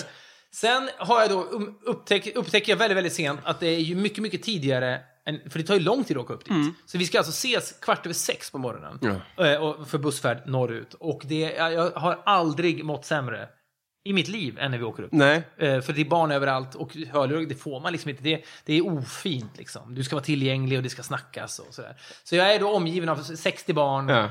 och eh, det är bara liksom jag tuggar så mycket tuggummi, du vet, jag har åtta tuggummin i munnen samtidigt för att inte avslöja liksom aceton. Det är, det är bara ång, jag är självantändlig, du vet, om någon tänder en tändare i bussen så sprängs det skiten. Alltså då var jag där i alla fall och hyrde pliktskyldigas skidor och liksom släpade mig runt där. Men, eh, och det var också helt, eh, det var barmark överallt och så var det mirakulöst då i pisterna lite snö. Så det var väldigt speciell eh, upplevelse. Eh, Nu har vi kommit fram till Patreon-frågorna. Mm. Det är så folk som eh, är fina och bidrar här, som har i- stående frågor helt Ja, enkelt. jättehärligt. Väldigt. Patreon. Vi, se, vi börjar med eh, Desi Hetala. Mm. Hon undrar, om man inte har en sån här podd, hur blir man då din kompis? Nu tror jag att man... ehm, Ja, men jag kom, jag, jag, tidigare i morse så var jag och spelade paddle, vilket är min nya... eh, Det, det är så här, man, det, jag cringear lite, det är en omvänd gåshud när jag säger det. För att jag, jag vet vilka signaler det liksom har, senaste åren har skickat ut. Och jag, det, är väl min, det är väl ett gott betyg till min grundtrygghet, att jag kan stå för, att jag ägnar mig åt denna bespottade sport. För att den är så jävla rolig. Den har haft otur tycker jag med många av dess manliga ambassadörer, som har blivit ansiktet ute för tidigt. Jag önskar att, att bättre personer hade blivit det, för det finns bra personer som gör det här. Men då spelade jag i morse och jag fann mig själv i omklädningsrummet efteråt. Var mottaglig för att snacka med, jag var ju så endorfinhög och mottaglig. Så jag satt och gaggade med folk jag inte kände och fick upp bra snack. Och nu var det inte så att vi bytte nummer, Nej. men jag tror att om man hänger i paddelcentret i Årsta i Stockholm eller i Frihamnen och stöter på en endorfinladdad Fredrik Wikingsson, Ja, då är ganska, chansen ganska god. Just att man åtminstone får en härlig stund. då är tröskeln lägre åtminstone. Då. Verkligen! Nästan obefintlig. Men vad jag förstår så, spelar man så 12 gånger i veckan eller sådär. Ja, det hinner jag ju inte. Eh, för det, nu är det ganska mycket jobb också. Och, men det man kan göra är ju att vara där sex på morgonen eller något. Mm. Om man är, vissa av de där ställena är ju öppet dygnet runt dessutom. Men ah, det är också svårt. Om man spelar för sent på kvällen kan man inte sova sen. Så att, men jag, jag, eh, det är för jävla kul. Och det är nästan skönt att äga att man gör det. Ja, verkligen. För att det är så här, det, är, det finns något bedrövligt med det. Men det är, där är jag mottaglig. Väldigt glad för er skull, men jag kan också, jag spår ju en bubbla som spricker.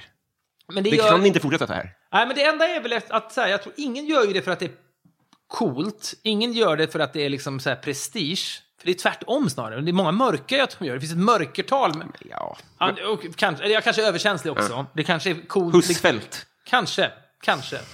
Nej, men jag, det är, jag, det, anledningen till att det funkar är att det är så jävla kul också. Sen Mm. är det väl lite bökigt att man måste vara fyra och det är svårt att synka scheman och sådär. Liksom. Men jag har ju funnit mig själv spela med människor som jag inte känner och det är ett tecken på att det kan liksom, där kan man bli min vän om någon mot förmodan skulle vilja bli det. Får du spela gratis för att du säger såna här saker? Absolut inte. Nej. Nej, nej, nej. Eh, per Siljeqvist, han undrar, eh, vad är det senaste du gjorde för första gången? Ja, du, det, jag är väldigt mycket en vanemänniska ju. Non-adventurous skulle ju Filip säga. Så det sker ju inte så mycket nytt i mitt liv alls. Jag beställde en dryck häromdagen som jag aldrig tidigare beställt. Som jag också ångrade. Men det, och jag kommer inte ens ihåg vad den hette. Men på stället Bröd och Salt som vi bor i närheten av. Så då finns, hade de någon sån här sommargrej som är någon italiensk Ja, men inte mer. Ja, Malego, ja, det var någon jävla dynga som var sockrigt. Men vad fan, vad är det för svar? Nej. Jag, jag är ledsen, jag kommer inte på någonting jag gör som är nytt. Ja, det var bra, för vi har ju lärt oss nu att du inte har eh, alltså, lärt dig att äta någonting nytt Mm. på väldigt länge. Så det, är, det är som att jag skulle beställa något, alltså något med, med, med, en, med en orm i eller något. Ja, aj, aj, det Var det ett stort steg för dig, men ett litet steg för mänskligheten? När jag åt vad? Den här Nej, drycken? ja. Nej, det stämmer ju inte. Jag gillar är så jävla sweet tooth också, så jag testar gärna på sådana här saker. Så att, nej, vad fan. Ehm,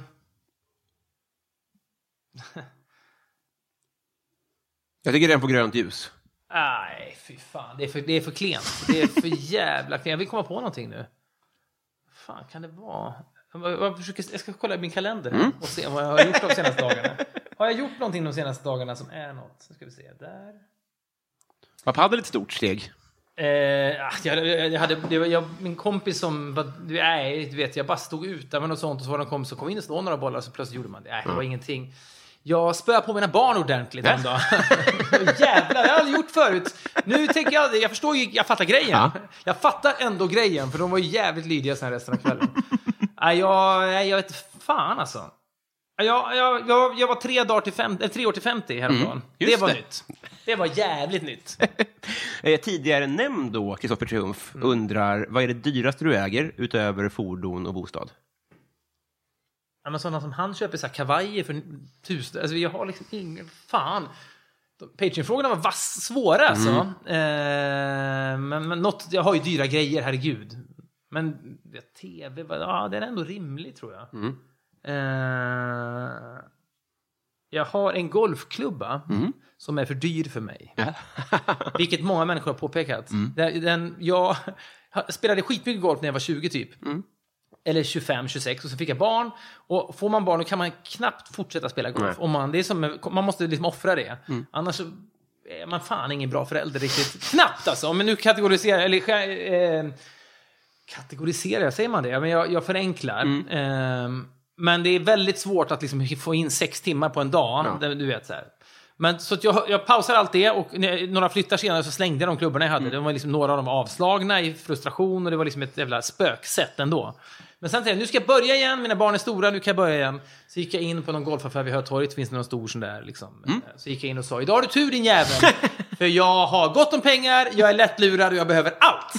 Och han kastar ju på grejer på mig. Och eh, jag, det var inga uppenbara lurendrejeri tycker jag ändå. Allt verkade rimligt. Men sen så var jag och stod på någon sån här ranch och bara slog bollar och svor. Och så gick det förbi någon eh, pro-tränare då. Som bara, vad är det där för jävla spoon du har? De här, den här har inte ens proffsen. så det är något skaft som är helt, du vet, så jag har ju inte, jag har ingen nytta av det. Nej. Den är jätte, så här, den här är alldeles för svår för dig, den är alldeles för dyr. Jag, ingen- vad, kanske, vad kan den kosta? 12 000? För det, ja, inte vet jag. Jag, jag, jag chansar. Men det är liksom... Relativt sett så är det den det som jag har lagt mest, mest pengar på som bara har bringat med olycka. Ja, just det. Mm. Eh, min, jag, jag tror att jag är Sveriges sämsta fotbollsspelare som hade ett par guldskor med mitt eget namn på. Vem? Eh, vad jag? Ja, du hade det? Jajamän. Jag tyckte du sa en av Sveriges bästa fotbollsspelare hade det. Eh, Okej, du hade det. Eh, Den sämsta som någonsin har haft. Varför hade du det? För att jag var eh, rikast i högstadiet. Ja, du var det? Eller men jag jobbade tidigt. Ja, Då kunde man, vad eh, jobbar du med? När jag jobbade på boklager från när jag var 12 typ. Fan vad driftigt då. Mm. Och då köpte du gry- dyra grejer och, och till dig position. Och Sultanen av Brunei i Kallhäll. Fan, det ska finnas en sån. Jag vet. Ja. Eh, Sharia-lagar, allt. Ja. Två kvinnor som håller mitt paraply. ja. Eh, Mikael Wester vill att du berättar om en tonårsförälskelse. Ja, men jag, det här är liksom, på ett sätt eh, lite så här eh, lökigt kanske, men jag faktiskt... De, jag var väldigt fumlig och liksom, jag flyttade när jag, lite olyckligt flyttade jag när jag, jag var lite så här made man i mellanstadiet. Jag hade flyttat till en ny ort i Västergötland, det gick 4, 5, 6 så var det fotboll och bandy som gällde, liten håla, Otterbäcken heter den. Håla, hå- men det, är, det skulle de flesta som borde köpa till en håla. Och där är jag liksom jag helt okej på fotboll, helt okej på bandy. Lite, lite made man, lite player på fotot i sexan ser liksom bra ut tycker jag. Sen flyttade jag då i sjuan upp till Norrland, Sundsvall, Juniskär, utanför Sundsvall. Och där eh, plötsligt tappade hela min mojo. Alltså jag är mycket en helt annan person på, på klassfotot i sjuan än i sexan. Det var som i sexan fyllde jag ut pojkgrejen. I sjuan så fyllde jag inte ut liksom, det som skulle bli mansgrejen alls. Och det tog några år, liksom, minst sagt. Eh, och dessutom prata bred västgötska, alltså Roy och Roger-västgötska. Ja. Mm. Alla andra pratar liksom den här ganska vedervärdiga Sundsvallsdialekten. Och Ingen Men det- fotboll och bandy där. inget sånt. Nej. Jag kunde heller inte simma när jag var, så, Oj, när jag nej. var 13. Och, det, och jag hade kommit undan det på idrottslektionerna för det fanns inget badhus i Otterbäcken. Så vi hade aldrig simning. Och de få gångerna vi åkte till Kristinehamn och skulle simma några längder, Mm. då var jag alltid sjuk, så jag fejkade bara. Och sen så flyttade jag upp till Sundsvall, ser den här gigantiska högstadieskolan Mm. som då var näst störst i Sverige. Den var, alltså hel, alla här, städer och områden söder om Sundsvall hade en och samma skola. Där gick jag. Och den, bredvid den låg en simhall. Så samma, första skolan tänkte jag, the, the jib is up, eller vad fan man säger. Det här, nu är det kört liksom. Så första dagen som alla andra kände varandra, det här är en patetisk historia, men och, och gympaläraren bara ja, hoppa i, visa att ni kan simma en längd så kan vi göra något annat sen liksom. Så jag måste bara se att ni kan det. Liksom. Kan de göra så? Ja, men de, han utgick ifrån att det gick. Jag vet, ja. men tänk om inte. Alla bara forsade iväg. Jag står kvar i det grunda och simmar tre meter och kommer inte längre. Och alla andra, liksom, när skummet har lagt sig, vänder sig om. Där borta är hela min klass, på det djupa. Tittar tillbaka på den nya killen som pratar som Roger, som inte kom längre än tre meter. Eh, sen gick det bra för mig, det var Ja. inget så. Men det, hade, det var, kändes lite skakigt då. Men inte veckans babe på Ja, fredag. nej, nej, nej, nej. Men då, det, min stora faktiskt, eh, tonårsförälskelse var ju faktiskt egentligen då min eh, bästa kompis Hugo. Som Mm. var egentligen den, liksom, jag har alltid haft någon sån. Det var Hugo först och sen så blev det liksom, nu har det blivit Filip på, liksom, i vuxen ålder Mm. att säga. Men han, och det lustiga var att han tog upp kontakten bara nyligen för han hade lyssnat på podden någon gång. Mm. Eh, Jag, jag, vi har inte pratat på typ 12-13 år kanske. Och då tog han upp kontakten och skickade ett långt jättefint mail om liksom massa minnen och sånt där. Mm. Och då på, på, så jag är liksom lite, fortfarande lite tagen av alla hans, som jag, saker jag hade glömt bort och sådär. Att det där Mm. var liksom viktiga år. När man är 13, att ha en bästa kompis då som man liksom det var så jävla hård stämning på den här skolan. Det var liksom folk, det var folk åkte in i väggen. Du vet, niorna ägde ju skolan, det gör de på alla högstadier. Men här var det liksom brutalt. Liksom. Som det säkert är ofta. Men vi, vi stack liksom alltid iväg på rasterna. Vi cyklade iväg och så cyklade vi och sen när det var liksom 10 sekunder till lektionen började, då snabbt som djävulen parkerade man och sprang in i klassrummet så man kom undan. Liksom. Så vi var någon slags exilkumpaner i tre år. Och det kändes, liksom- det var, vi kom så jävla nära Men vad varandra. gjorde ni då? då Vi cyklade runt och sen åkte vi ofta till ett eh, spelombud, för vi tyckte om travhästar. Så vi åkte dit och stod och kollade program inför V65 hette det väl då, liksom Dagens Dubbel och, och sen när det började närma sig så... Och vi var ju verkligen liksom så pojkar. Och mitt starkaste minne är ju då att vi var barnsliga liksom.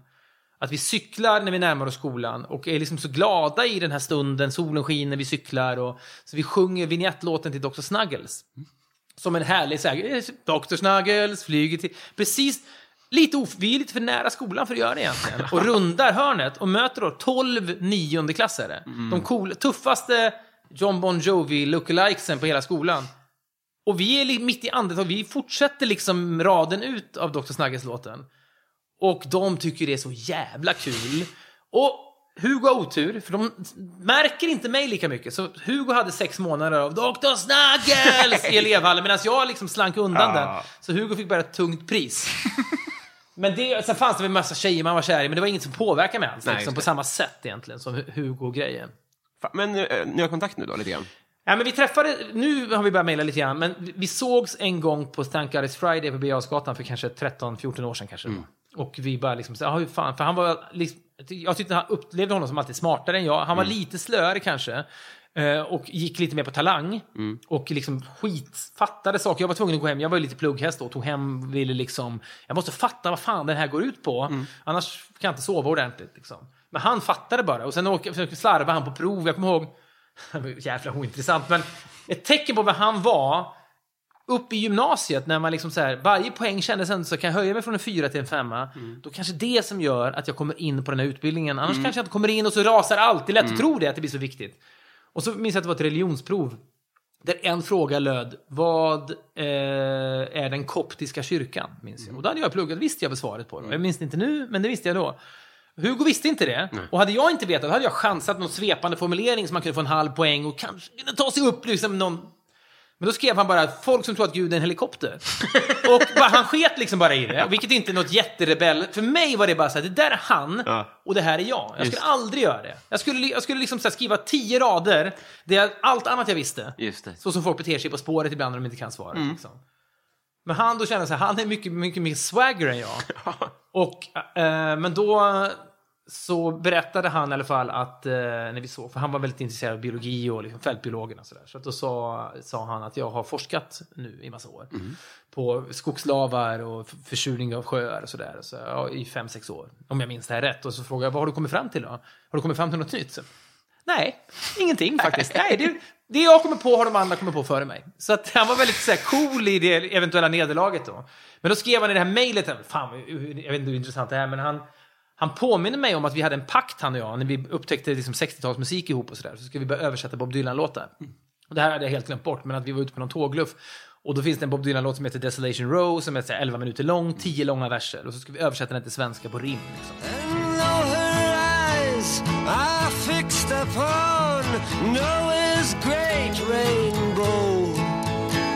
She spends her time peeking into Desolation Row. Eh, och då skulle vi ta varannan vers. Jag skulle ta ettan, trean, femman, sjuan, nian och han skulle ta tvåan. Så, skulle vi ha, så hade vi plötsligt Desolation Row på svenska.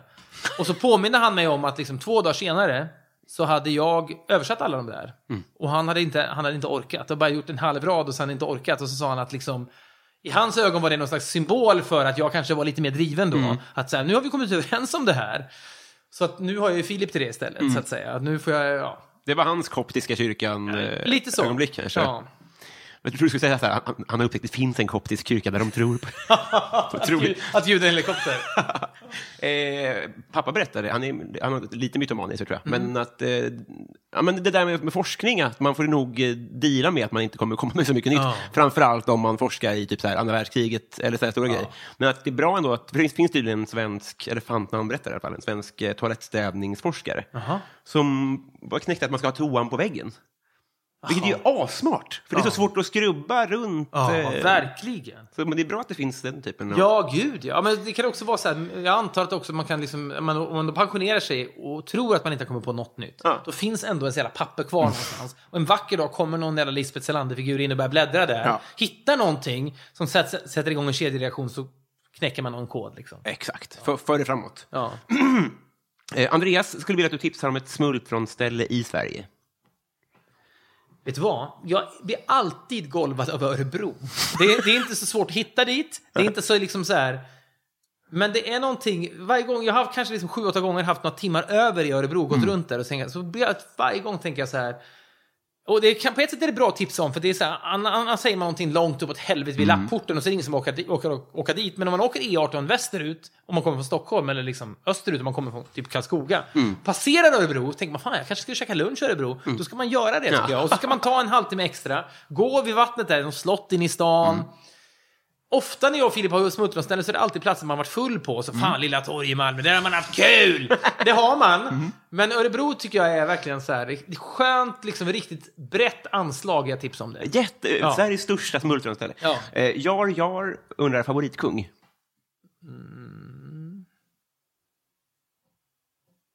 Då kan man ju givetvis zooma ut det hur mycket man vill. Man kan gå till Elvis om man vill. Och man kan liksom... eh, Sultanen av Brunei. Ja. Eh, Men det är någonting, jag har hört ganska mycket om, läst ganska mycket om Gustav V, V-Gurra, Mm. helt enkelt. Eh, som ju var eh, homosexuell, hade en älskare i form av Kurt Haijby.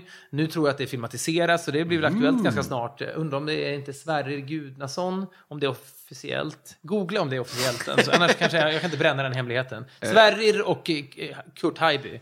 Se om det står, annars kommer han bli för sur på mig.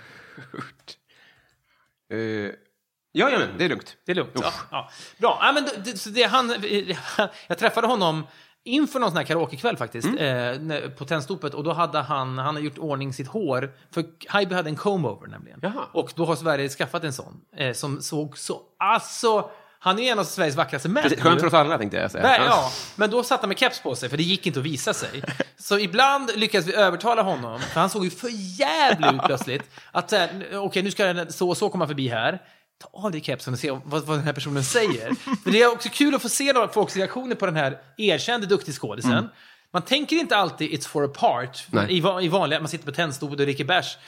Vågar de säga hur fan ser det ut? Men det, vågar, det säger ju ingen. Han, det var så jävla kul. Men eh, det är, myten om Vegor är ju då att det heter Kungens Kurva för att söder om stan för att han var ute och åkte, fick en avsugning och, och körde av vägen. För att han blev så exalterad. Liksom. Det känns ändå som att, och så spelade han mycket tennis och var elegant Ja. och säkert jag vet inte ens vilken tid han levde, men jag kan ge fan på att han var säkert lite Hitlersympatisör. Tyvärr. Alla var väl det Ja. på den tiden, så här royalister och sådär. Men det är någonting som känns kittlande med Vegurra och att den där Kurt Haijby-historien kommer. Så Kurt Haijby då låg ju med kungen och sen började han pressa kungen på pengar.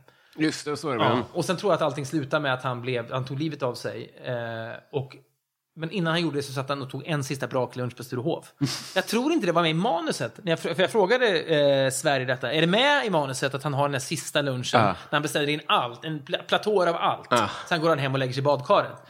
Nej, sa han. Vad fan, det får du lösa. Jag hopp om filmatiseringen kommer, eller serien eller vad det Ja. är. Säkert SVT-serie.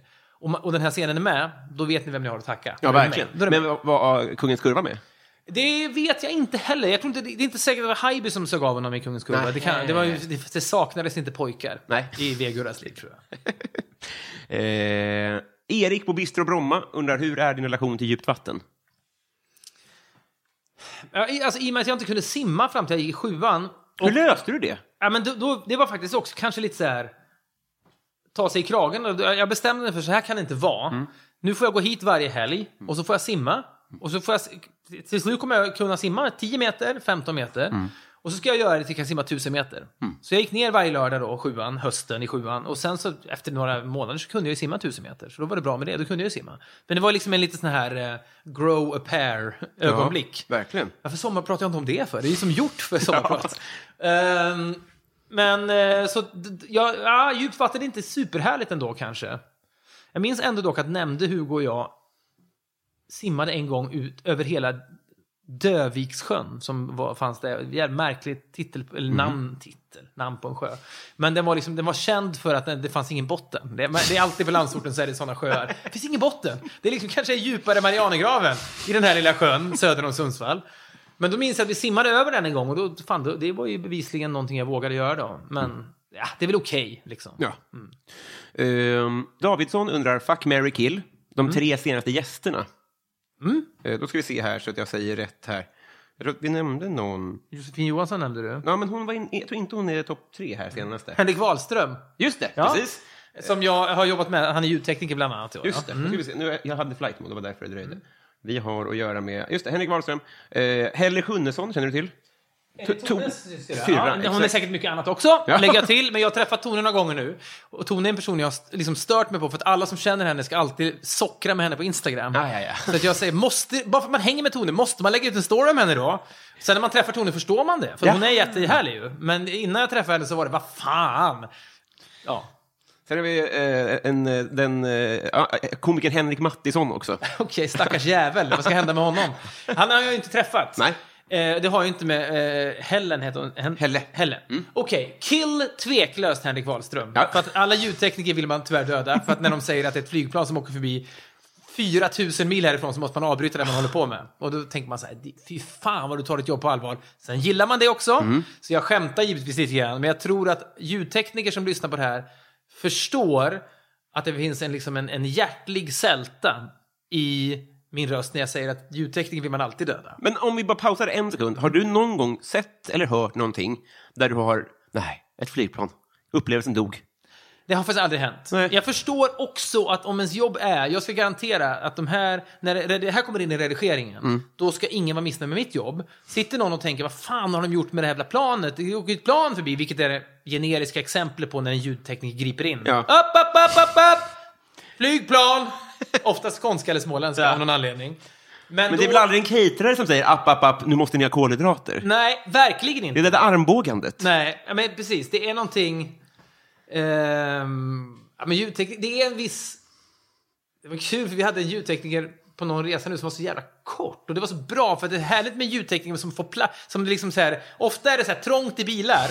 då, är det, och då är det bra med ljudtekniker som är korta. Men, eh, fan jag pratar om det för. Döda Henrik Wahlström Ja. med, på något trevligt sätt. Gasa ihjäl honom i sömnen.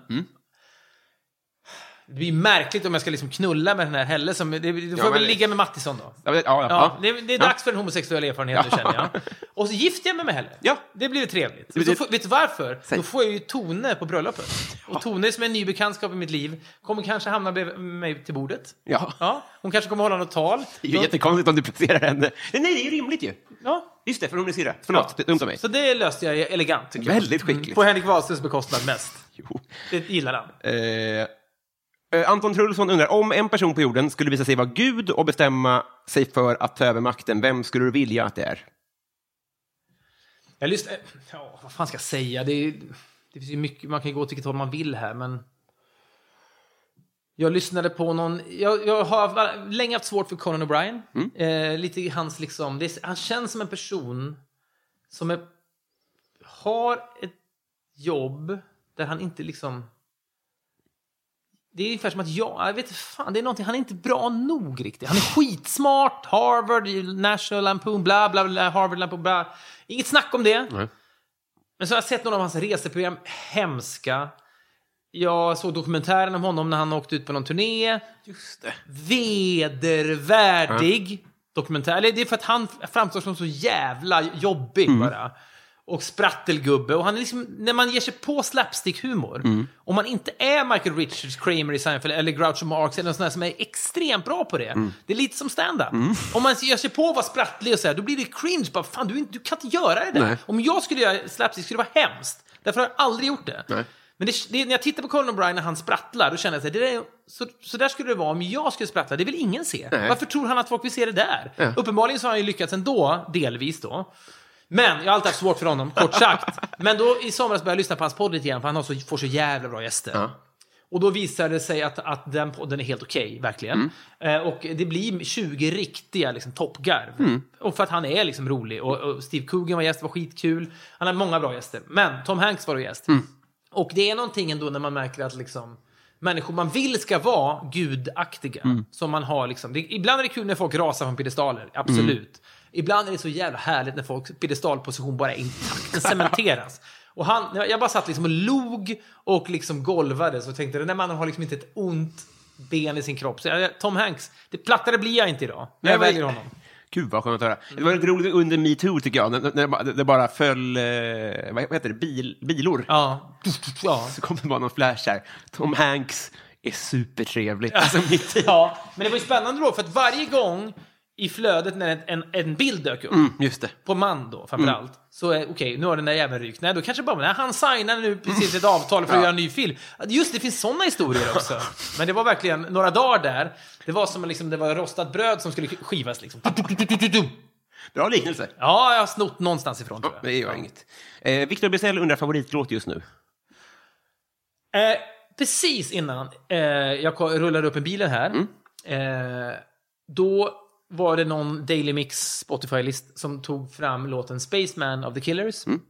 Eh, och den har jag inte lyssnat på på länge. Jag minns, när, jag, när den kom upp tänkte jag, så- alltid när det är de här Ja, det är inte alltid jag lyssnar på den där, den där typen av föreslagna playlist. Men man har ju alltid liksom tummen på eh, liksom höger scroll, vidare, vidare, vidare. Och när den kom så var jag redo. Så tänkte jag, men fan, den här gillar jag väl kanske ändå.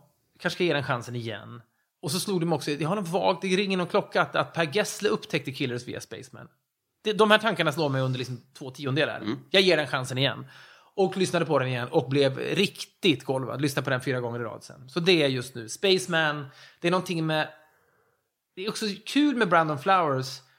Är det sångaren då? Ja, precis. Och han är väl huvudsaklig låtskrivare, tror jag. Härligt namn. Ja, otroligt. Och så kommer de från Vegas. De har mycket, liksom. Då sjunger han They say the Nile used to run from east to west i något stick. Och så sjunger han det tre, fyra gånger.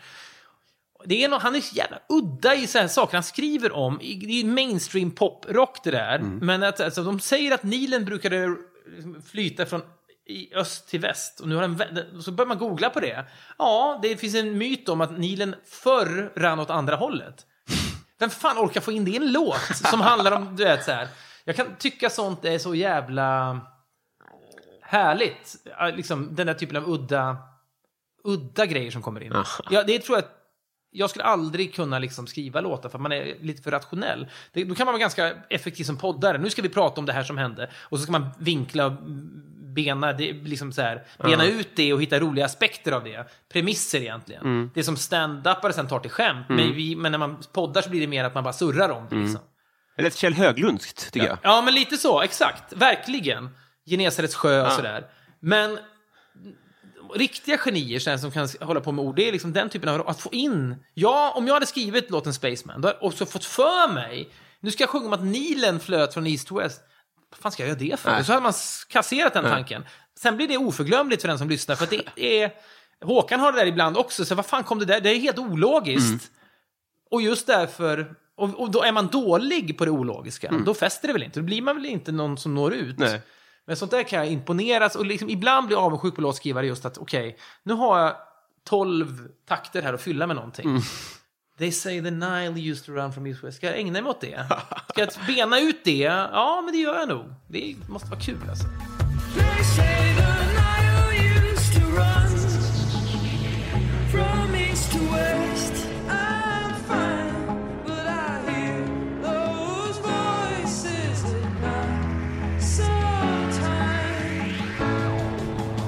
Varmt välkomna ska ni vara till Bysell-segmentet. Följande personer har varit fullfjädrade 5 dollars patrons eller mer i tre månader eller mer. Fred Balke, Alexander Svensson, Kristoffer Åström, Mikael Wester, Max Ronneland, Albin Strid, Erik Fröberg, Marie Ernelli, Julia T, Nils Andenmo, Mange T, Anton Trulsson, Martin Lundberg, Viktor Bysell, Malin Jansson, Martin Ruben, Fredrik Ung, Nils Andenmo, Mange B, Neim, Andreas Sigelin, Marcus, Filip Axelsson, Jonas Udén, Resus Minus, Fredrik Forslin, Rebecka Lindfors, Anton Trulsson, Max Ronelad, Marcus, Jonas Udén, Petter Axling, Bove Bevonius, podcasten Värvet, Joel W. Kall, Plynnis, Robert Wallin, Mitt Fel, Daniel Melin, Elinor Berglund, Fredrik Ung, Joakim Holmberg, Johan Dykhoff, Pauline Kullberg, Jimmy Söderqvist, A. Williamson, Shots och Tjena Tjena, Landström, Gäddan Gustafsson, Kristoffer Esping och Lars Landström. Älskar er.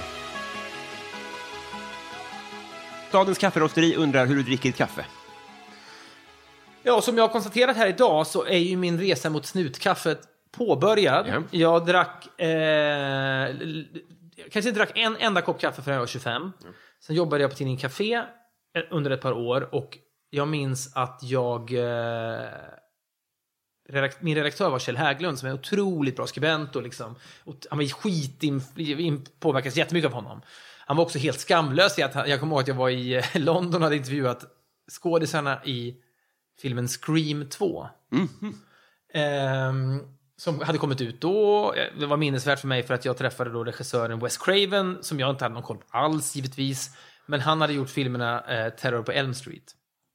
Och det hade jag läst i en pressrelease bara. Liksom. Och så frågade jag honom, So, when you look back on shooting Terror on Elm Street, så tittade han på mig och, så, och jag förstod, han, det, något gick fel där. Ja. Så upptäckte jag efter, den hette ju inte, det, på svenska heter de Terror på Elm Street. De heter Nightmare on Elm Street. På egentligen, ja, så ja. Men det fanns ingen, man kunde inte googla grejer då. Liksom, bara, men, då kom jag hem och så skickade jag in texten, vad det, vad det var, det här besöket på något hotell, man träffade någon skådis och du vet så här. Och sen läste jag texten i tidningen sen. Då har jag plötsligt gått in i hissen och då har Brad Pitt stått där. och då frågar jag fan, skrev jag verkligen det här? Nej, men det behövdes någonting där i mitten. ja, men det var så, det, vem fan bryr sig? Det är underhållning liksom. Men det var så jävla lärorikt. Jag tror att liksom, sen har jag börjat jobba med en mytoman, Filip. Ja. Och lärt mig att det, det går att salta grejer. Liksom. Men då frågade då sa, så stod jag i köket någon gång på café, 24-25 år gammal, och han sa, ska du ha en espresso? För han stod och gjorde. Nej, men jag, jag, jag har aldrig, aldrig druckit kaffe. Men här, det här måste du, för fan, nu måste du dricka espresso. Nästa dag så jag det var så jävla speciellt att få en koffeinkick för första gången. Jag har aldrig, om man aldrig har fått i sig koffein Nej. och är 25, kroppen är ovan vid det. Då får man Innan ju- Red Bull och sånt. Ingen Red, det var Det ju fanns- före, precis, det var Ja. pre-Red Bull. Så jag har aldrig någonsin fått det liksom. Så att då får jag den här kicken. Och så har man liksom så här läst om centralstimulerande droger, så man har inte provat det än. Så det är liksom, dagen efter så var jag uppe i 12 per dag.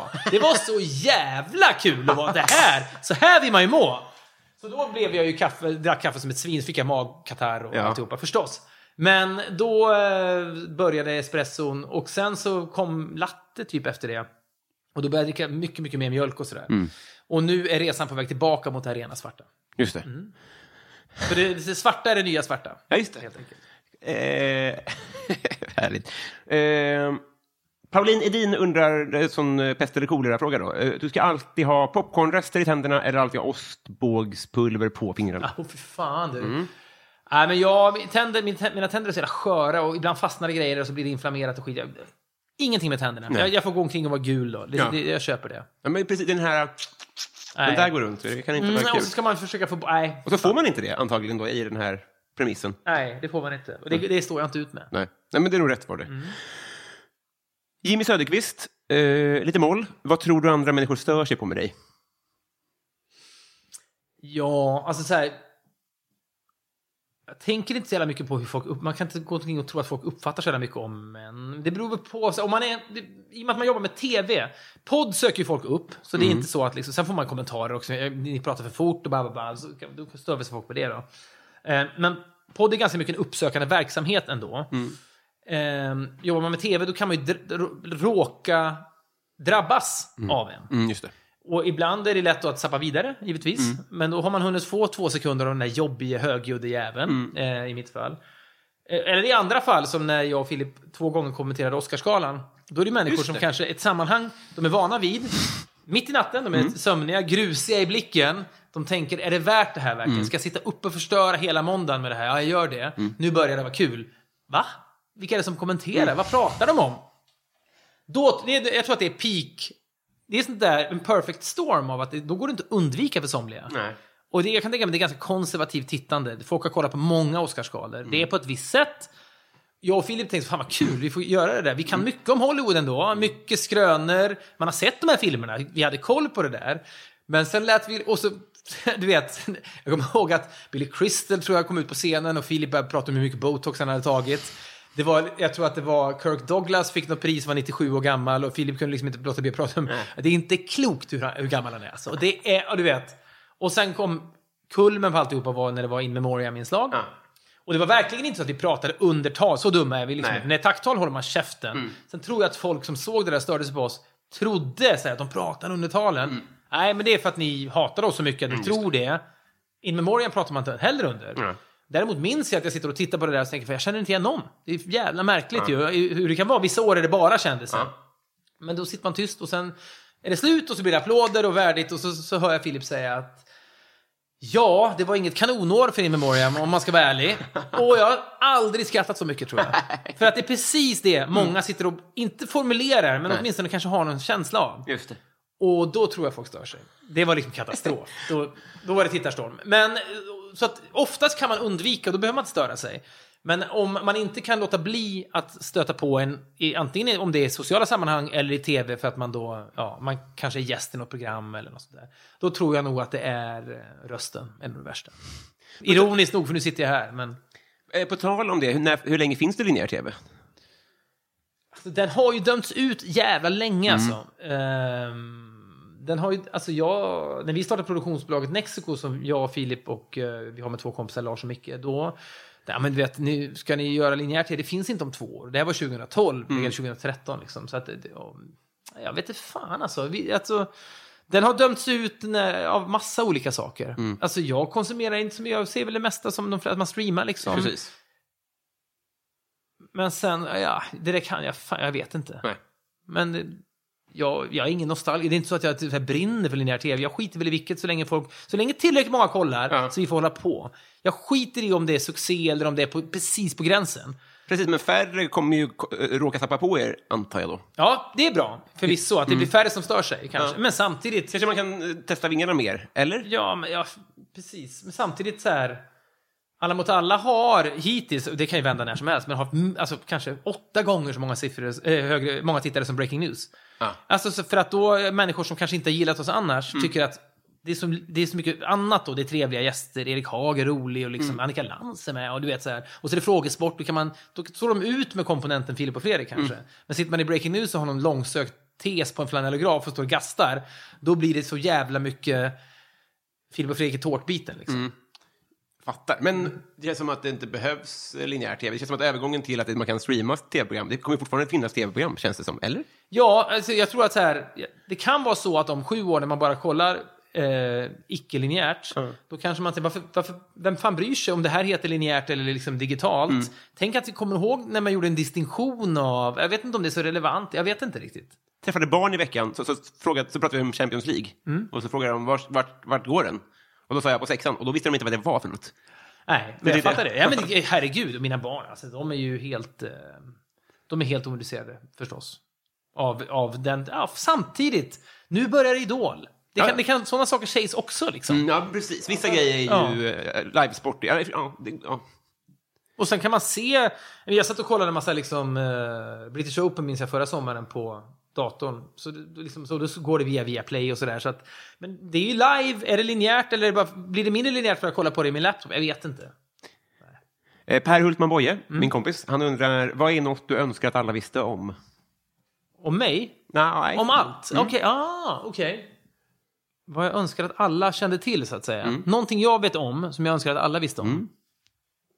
Fan, vad, vad, vad brukar folk svara på det?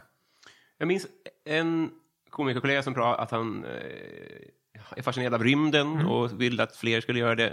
Jag, vet inte om det var Henrik som nämnde fler skulle ha bättre koll på miljösituationen kanske. Kan det vara något sånt? Okej. Ja, ja, men jag vill, ju, jag vill ju liksom att... Jag ska försöka tänka ut någonting som har berikat mitt liv, som kanske kan berika fler människor om de bara nåddes av det. liksom. Just det. Och då är bara frågan vad det skulle vara. Eh, Fan, att Nilen var diagonal förut, eller vad det nu var. googla ni den. Ja. Googla. Ni- Nile East to West. Yes. Så ska vi se. Jag kan Yes, jag direkt kommer upp. Ja. Jag kanske hör mig. Okej. The Nile River, det flyter, äh, Nilen flyter alltså från syd till nord. Det är så den flyter. Golfströmmen. Precis, Ja, men typ. Eh, om det är så att Nilen förr gick från öst till väst. Ja. Eller vadå? Vänta nu, om den går från syd till nord, alltså som ett jävla streck, lodrätt. Flöt den då den korta streck, 40 meter åt, från, från liksom öst till väst? Det verkar jätteologiskt. Men det är, väl, det är väl bara att gräva om en flod, hypotetiskt? Kanske. Men det är också något kul i att en flod flyter inte på längden, utan på bredden. Från östra banken till västra. Och sen så gör den det. Att det är en väldigt bred... Ja. eh, ja, den är inte så bred. Den är väl bred, men säg att den är 200 meter bred då. Mm. Och så flyter den från öst till västsidan istället för på längden. Jag vill att det ska vara sant och jag vill att alla ska veta om Mm. Alla borde veta Ja. om det. Eh, För, för det har Brandon Flowers sagt till mig. Typ. Eh, Kajsa vill att du ska, han säger så här då, du ska spendera en, en månad på en herrgård med tre andra personer. Vilka och varför? Det är otroligt. Har någon hittat, apropå Kajsa det, mytomspunnet, det finns ett mytomspunnet klipp med TV4, på TV4 ju. Där, eh, på den tiden, de kanske har Hallå nu också. Där de säger, jag tror att den heter Det misstänkta, filmen The Usual Suspects. Eh, och så säger eh, Hallåan, nu är det dags för filmen Det misstänkta, re- regisserad av Brian Singer eller vad fan det var. Och i rollen som Kaiser Söze ser vi Kevin Spacey. Vilket då är filmens, för de som inte har sett den, ja det är också en spoiler, fan, men nu får de skylla sig själv då. Ja, men då är ju... då- Inception-spoiler. Ja, det är inte klokt att hon då... Så sen börjar filmen och så ska man lista ut vem av de här fem männen är Kajsa Söze. En av dem är Kevin Spacey, by the way. Alla som lyssnar på den här podden har sett Usual Eller så får de skylla sig själv. Den är otrolig. Jag har sett den här i text, alltså jag har sett den liksom i typ metro. Ja, den är refererad till, ja. Den här på Hallå Nej, nej, nej, utan en, annan, en, lika, en exakt samma sak. Så Åh, fan. antingen är det att det har blandats ihop. Just det, är mycket mer effektivt. Man vill se den här hallåan sitta med den här rösten också. Och i rollen som Kajsa Söze ser vi Kevin Spacey. Det är verkligen you had one job. Ja, Så verkligen. du ska säga en mening ikväll. Ja. Men okej, tre personer på en herrgård. Ah, ja, okej då. Nu eh, blir det väl Brandon Flowers då. för att nu är, tänker jag mycket på honom. Nu vill jag veta mer om Nilen. Det, kan, det är ett sätt att ta reda på det, gå till botten med det här. Tone Schunnesson. Jag tänkte Ja, det blir Tone också. Ja, det blir Tone. För nu, och så ska jag lägga ut massa stories på det, så att det blir värt det. Eh, och sen så får det bli... Eh, ja, men det kanske Hugo igen då. Det var 13 år sedan. Mm. Nu ska jag träffa Hugo igen. Och se om han har kommit någonstans med forskningen sen sist. Ja, just det. Mm. Ja, men då... Eh, ja, vi har blivit kompisar. Hade det varit en fjärde person så hade det varit du. Yes! Mm. Där räddade jag den bra. Det gjorde du skickligt. Eh, jag överlämnar här ett sandigt kompisband. Ja, men fan vad mysigt då. Äsch. Titta vad fint. Det är väldigt varmt, men det är också väldigt eh, trevligt här. va? Jag är så himla tacksam. Jättemysigt var det. Jag... Eh, jag trodde igår kväll att jag hade fått corona kanske. Mm. För jag kände mig liksom lite... eh, Jag tog, jag tog tempen, Mm. hade 37,1. Vilket ju för mig... Alltid när jag tror att jag har corona så är jag 36 och 2. Mm. Så då kände jag plötsligt att... eh, Fan, då sa jag till min fru att nu har jag ändå 37 och 1. Hon sa det är också väldigt varmt. Ja. Du kan ha blivit varm av att det är varmt. Så att jag kände igår kväll att kommer jag orka det här? Att du vet, så här, sitta och babbla. Men när man väl sitter där så var det väldigt kul. Vad fint. Ja. Men hur, hur har corona varit? Du har väl hypokondriska drag? Va? Ja, men jag pratar mycket med folk om det här och det, det alla vi hypokondriker kommer fram till är att vi har ofta klarat oss ganska bra för vi är så vana vid det. Eh, Vid att liksom vara oroliga för saker. Eh, och jag tror att det är en chock. För, på samma sätt som om du dricker en espresso för första gången när du är 25 år, i noll koffein. Att komma i kontakt med hypokondri sent i livet och inte ha varit orolig för det där. Och Plötsligt ska man vara orolig för något osynligt som far omkring. Det är, det är sån jävla överraskning för folk tror jag. Så jag tror att de som har blivit knäppast av det här, det är de som inte är, som är, som är ganska sunda i vanliga fall. Liksom. Att ni var någon form av mentala preppers? Ja, lite, men jag tror ändå det. Och sen är jag trött på alla människor som säger jag har levt i karantän hela mitt liv, nu vill alla leva som jag har inte levt i karantän. Nej. Men, men hypokondrigrejen har nog ändå förberett mig på att liksom jag har fan inte varit så. Sen visst, det låter ju dåraktigt. Alltså tempen 37 och 1. Mm, har jag corona nu? Det låter som jag är en idiot, men jag har inte gjort det så många gånger åtminstone. Jag tror att människor som aldrig har varit hypokondriker kanske har tagit tempen på sig själv mycket oftare. Just det. Ja. Så att jag tycker ändå att det har varit ganska chill. Jag hoppas... Min vän och din tidigare gäst Emil Persson har ju förklarat att pandemin är över. Han har ju sagt pandemin är över. Ja, vad skönt. Ja, men jag är inte säker. Alltid när folk hör det så blir folk reagerar väldigt olika. En del blir sura på honom. Du kastar honom verkligen under bussen. Ja, men verkligen. Men han har ju också antikroppar själv, så han tycker liksom att det här är, det här är över. Det här behöver vi inte vara oroliga för längre. Nu ses vi på KK Karaoke. Jag ska köra Estranged long version. Nio och en halv minut. Ja. Eh, hur, ska vi, hur förvaltar vi vår vänskap, tycker du? Vi kanske spelar padel? Nej, det behöver vi inte göra. Jo. Vi ses väl över borden? Väldigt Ja, verkligen. jag är ju, har ju en nykter period nu, men Mm. det har jag, jag konstaterade igår att den är över tre och en halv vecka, typ tre och en halv vecka nu. Så den är på väg att brytas. Ja. Det är viktigt att bryta den när man, när man känner sig liksom så här... Eh, man ska inte bryta den för att det är liksom inom citattecken synd om en. Nej. Jag vill säga, Åh, fan, nu måste jag få en trösta med någon liten. För så är det ofta annars när man Ja. dricker tycker jag. Ja, är det synd om mig nu? Ja, jag har jobbat mycket idag. Ja. Det är synd om mig, jag måste få en öl. Så att det, det är viktigt att den första ölen efter en, liksom en vit period som i min fall, alltså i mitt fall inte har varit lång alls. Nej. Tre och en halv vecka som sagt. Men efter fyra, fem veckor då, då måste den första ölen komma med, av ren lust. Fan vad gött! Vi är liksom, sitter på liksom Söder, där borta liksom, kommer liksom eh, Tone gående. Fan vad jag ikoniserar henne, jag har träffat henne tre gånger. Men eh, nu blir det bärs! Just det. Ja, och där bryts det, och där dyker du upp av Ja. en slump. Och så slår du den ner, glasen är immiga. Fan vad mysigt det blir. Gud vad jag längtar. Ja. Eh, nu måste vi, eh, jag måste eh, gö- göra mig klar för det här nästan, mentalt, Ja. inför vår nästa dejt. Verkligen. Eh, vill du göra reklam för någonting? Det tror jag. Eh, ja, men så här. Jag, kan ju faktiskt, jag är ju så stolt och glad över Alla mot alla. Att vi kom på det där på några veckor. Brände upp det i tablån. ehm, för att fylla liksom breaking news-fönstret fyra dagar i veckan. Och så har det varit så jävla kul Och då gänget jag jobbar med, de är så jävla roliga. Och kommer på roliga liksom... Alltså de här skärm, skärmarna vi har i det här programmet där frågeämnena är, det är liksom premisser för bra, riktigt bra skämt. Ja. Och sen istället för att skriva skämt så kan man skriva liksom några liksom rader om det och sen blir det frågor istället. Ja. Men jag tycker att det, jag har liksom aldrig sett det. Varje gång, igår kväll kom det en lista på nya liksom förslag, det här kan vara ämnen. Ja. Och så har jag lyxen då att läsa de här 40 förslagen, välja bort hälften. Mm. Och så var det någon som, är, som skrev, det går inte att titta bort när en gubbe äter banan. Det är kul! Det är, det är någonting med det som är sant. Mm. Och så kan man liksom lägga ut texten om det och de här tävlande sitter i burarna och stirrar. När kommer frågan? Det var kul för Nor- det här har gjorts i Norge också. Vi har Aha. Mm. ett bolag i Norge som heter Nexco Norge.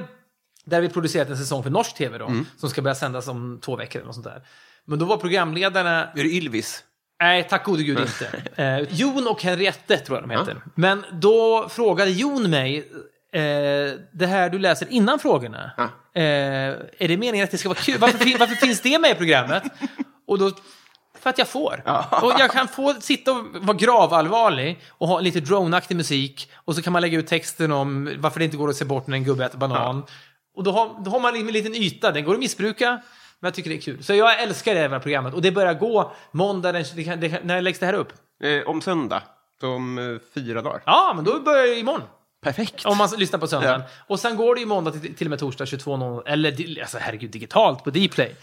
Men eh, älskar den skiten, så titta på det. Det är mycket roliga tävlande också. Ja. Så det blir toppen. Det är min primära anledning att bli känd.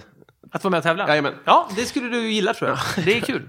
Eh, tack snälla igen. Tack som fan, det var jättekul. Ja, hej med dig. Hej!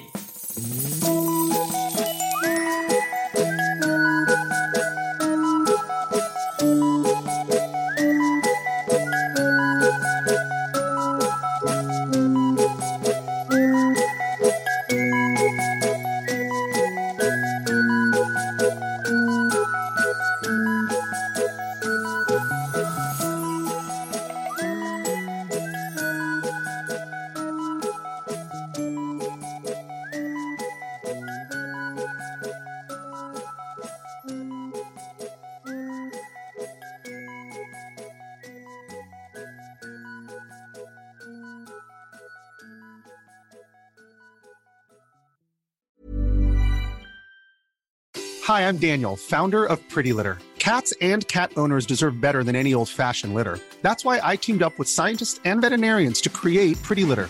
Its innovative crystal formula has superior odor control and weighs up to 80% less than clay litter. Pretty Litter even monitors health by changing colors to help detect early signs of potential illness. It's the world's smartest kitty litter. Go to prettylitter.com and use code ACAST for 20% off your first order and a free cat toy. Terms and conditions apply. See site for details. Hey, it's Paige DeSorbo from Giggly Squad. High quality fashion without the price tag. Say hello to Quince. I'm snagging high-end essentials like cozy cashmere sweaters, sleek leather jackets, fine jewelry, and so much more. With Quince being 50 to 80% less than similar brands. And they partner with factories that prioritize safe, ethical, and responsible manufacturing. I love that. Luxury quality within reach. Go to quince.com slash style to get free shipping and 365 day returns on your next order. Quince.com slash style.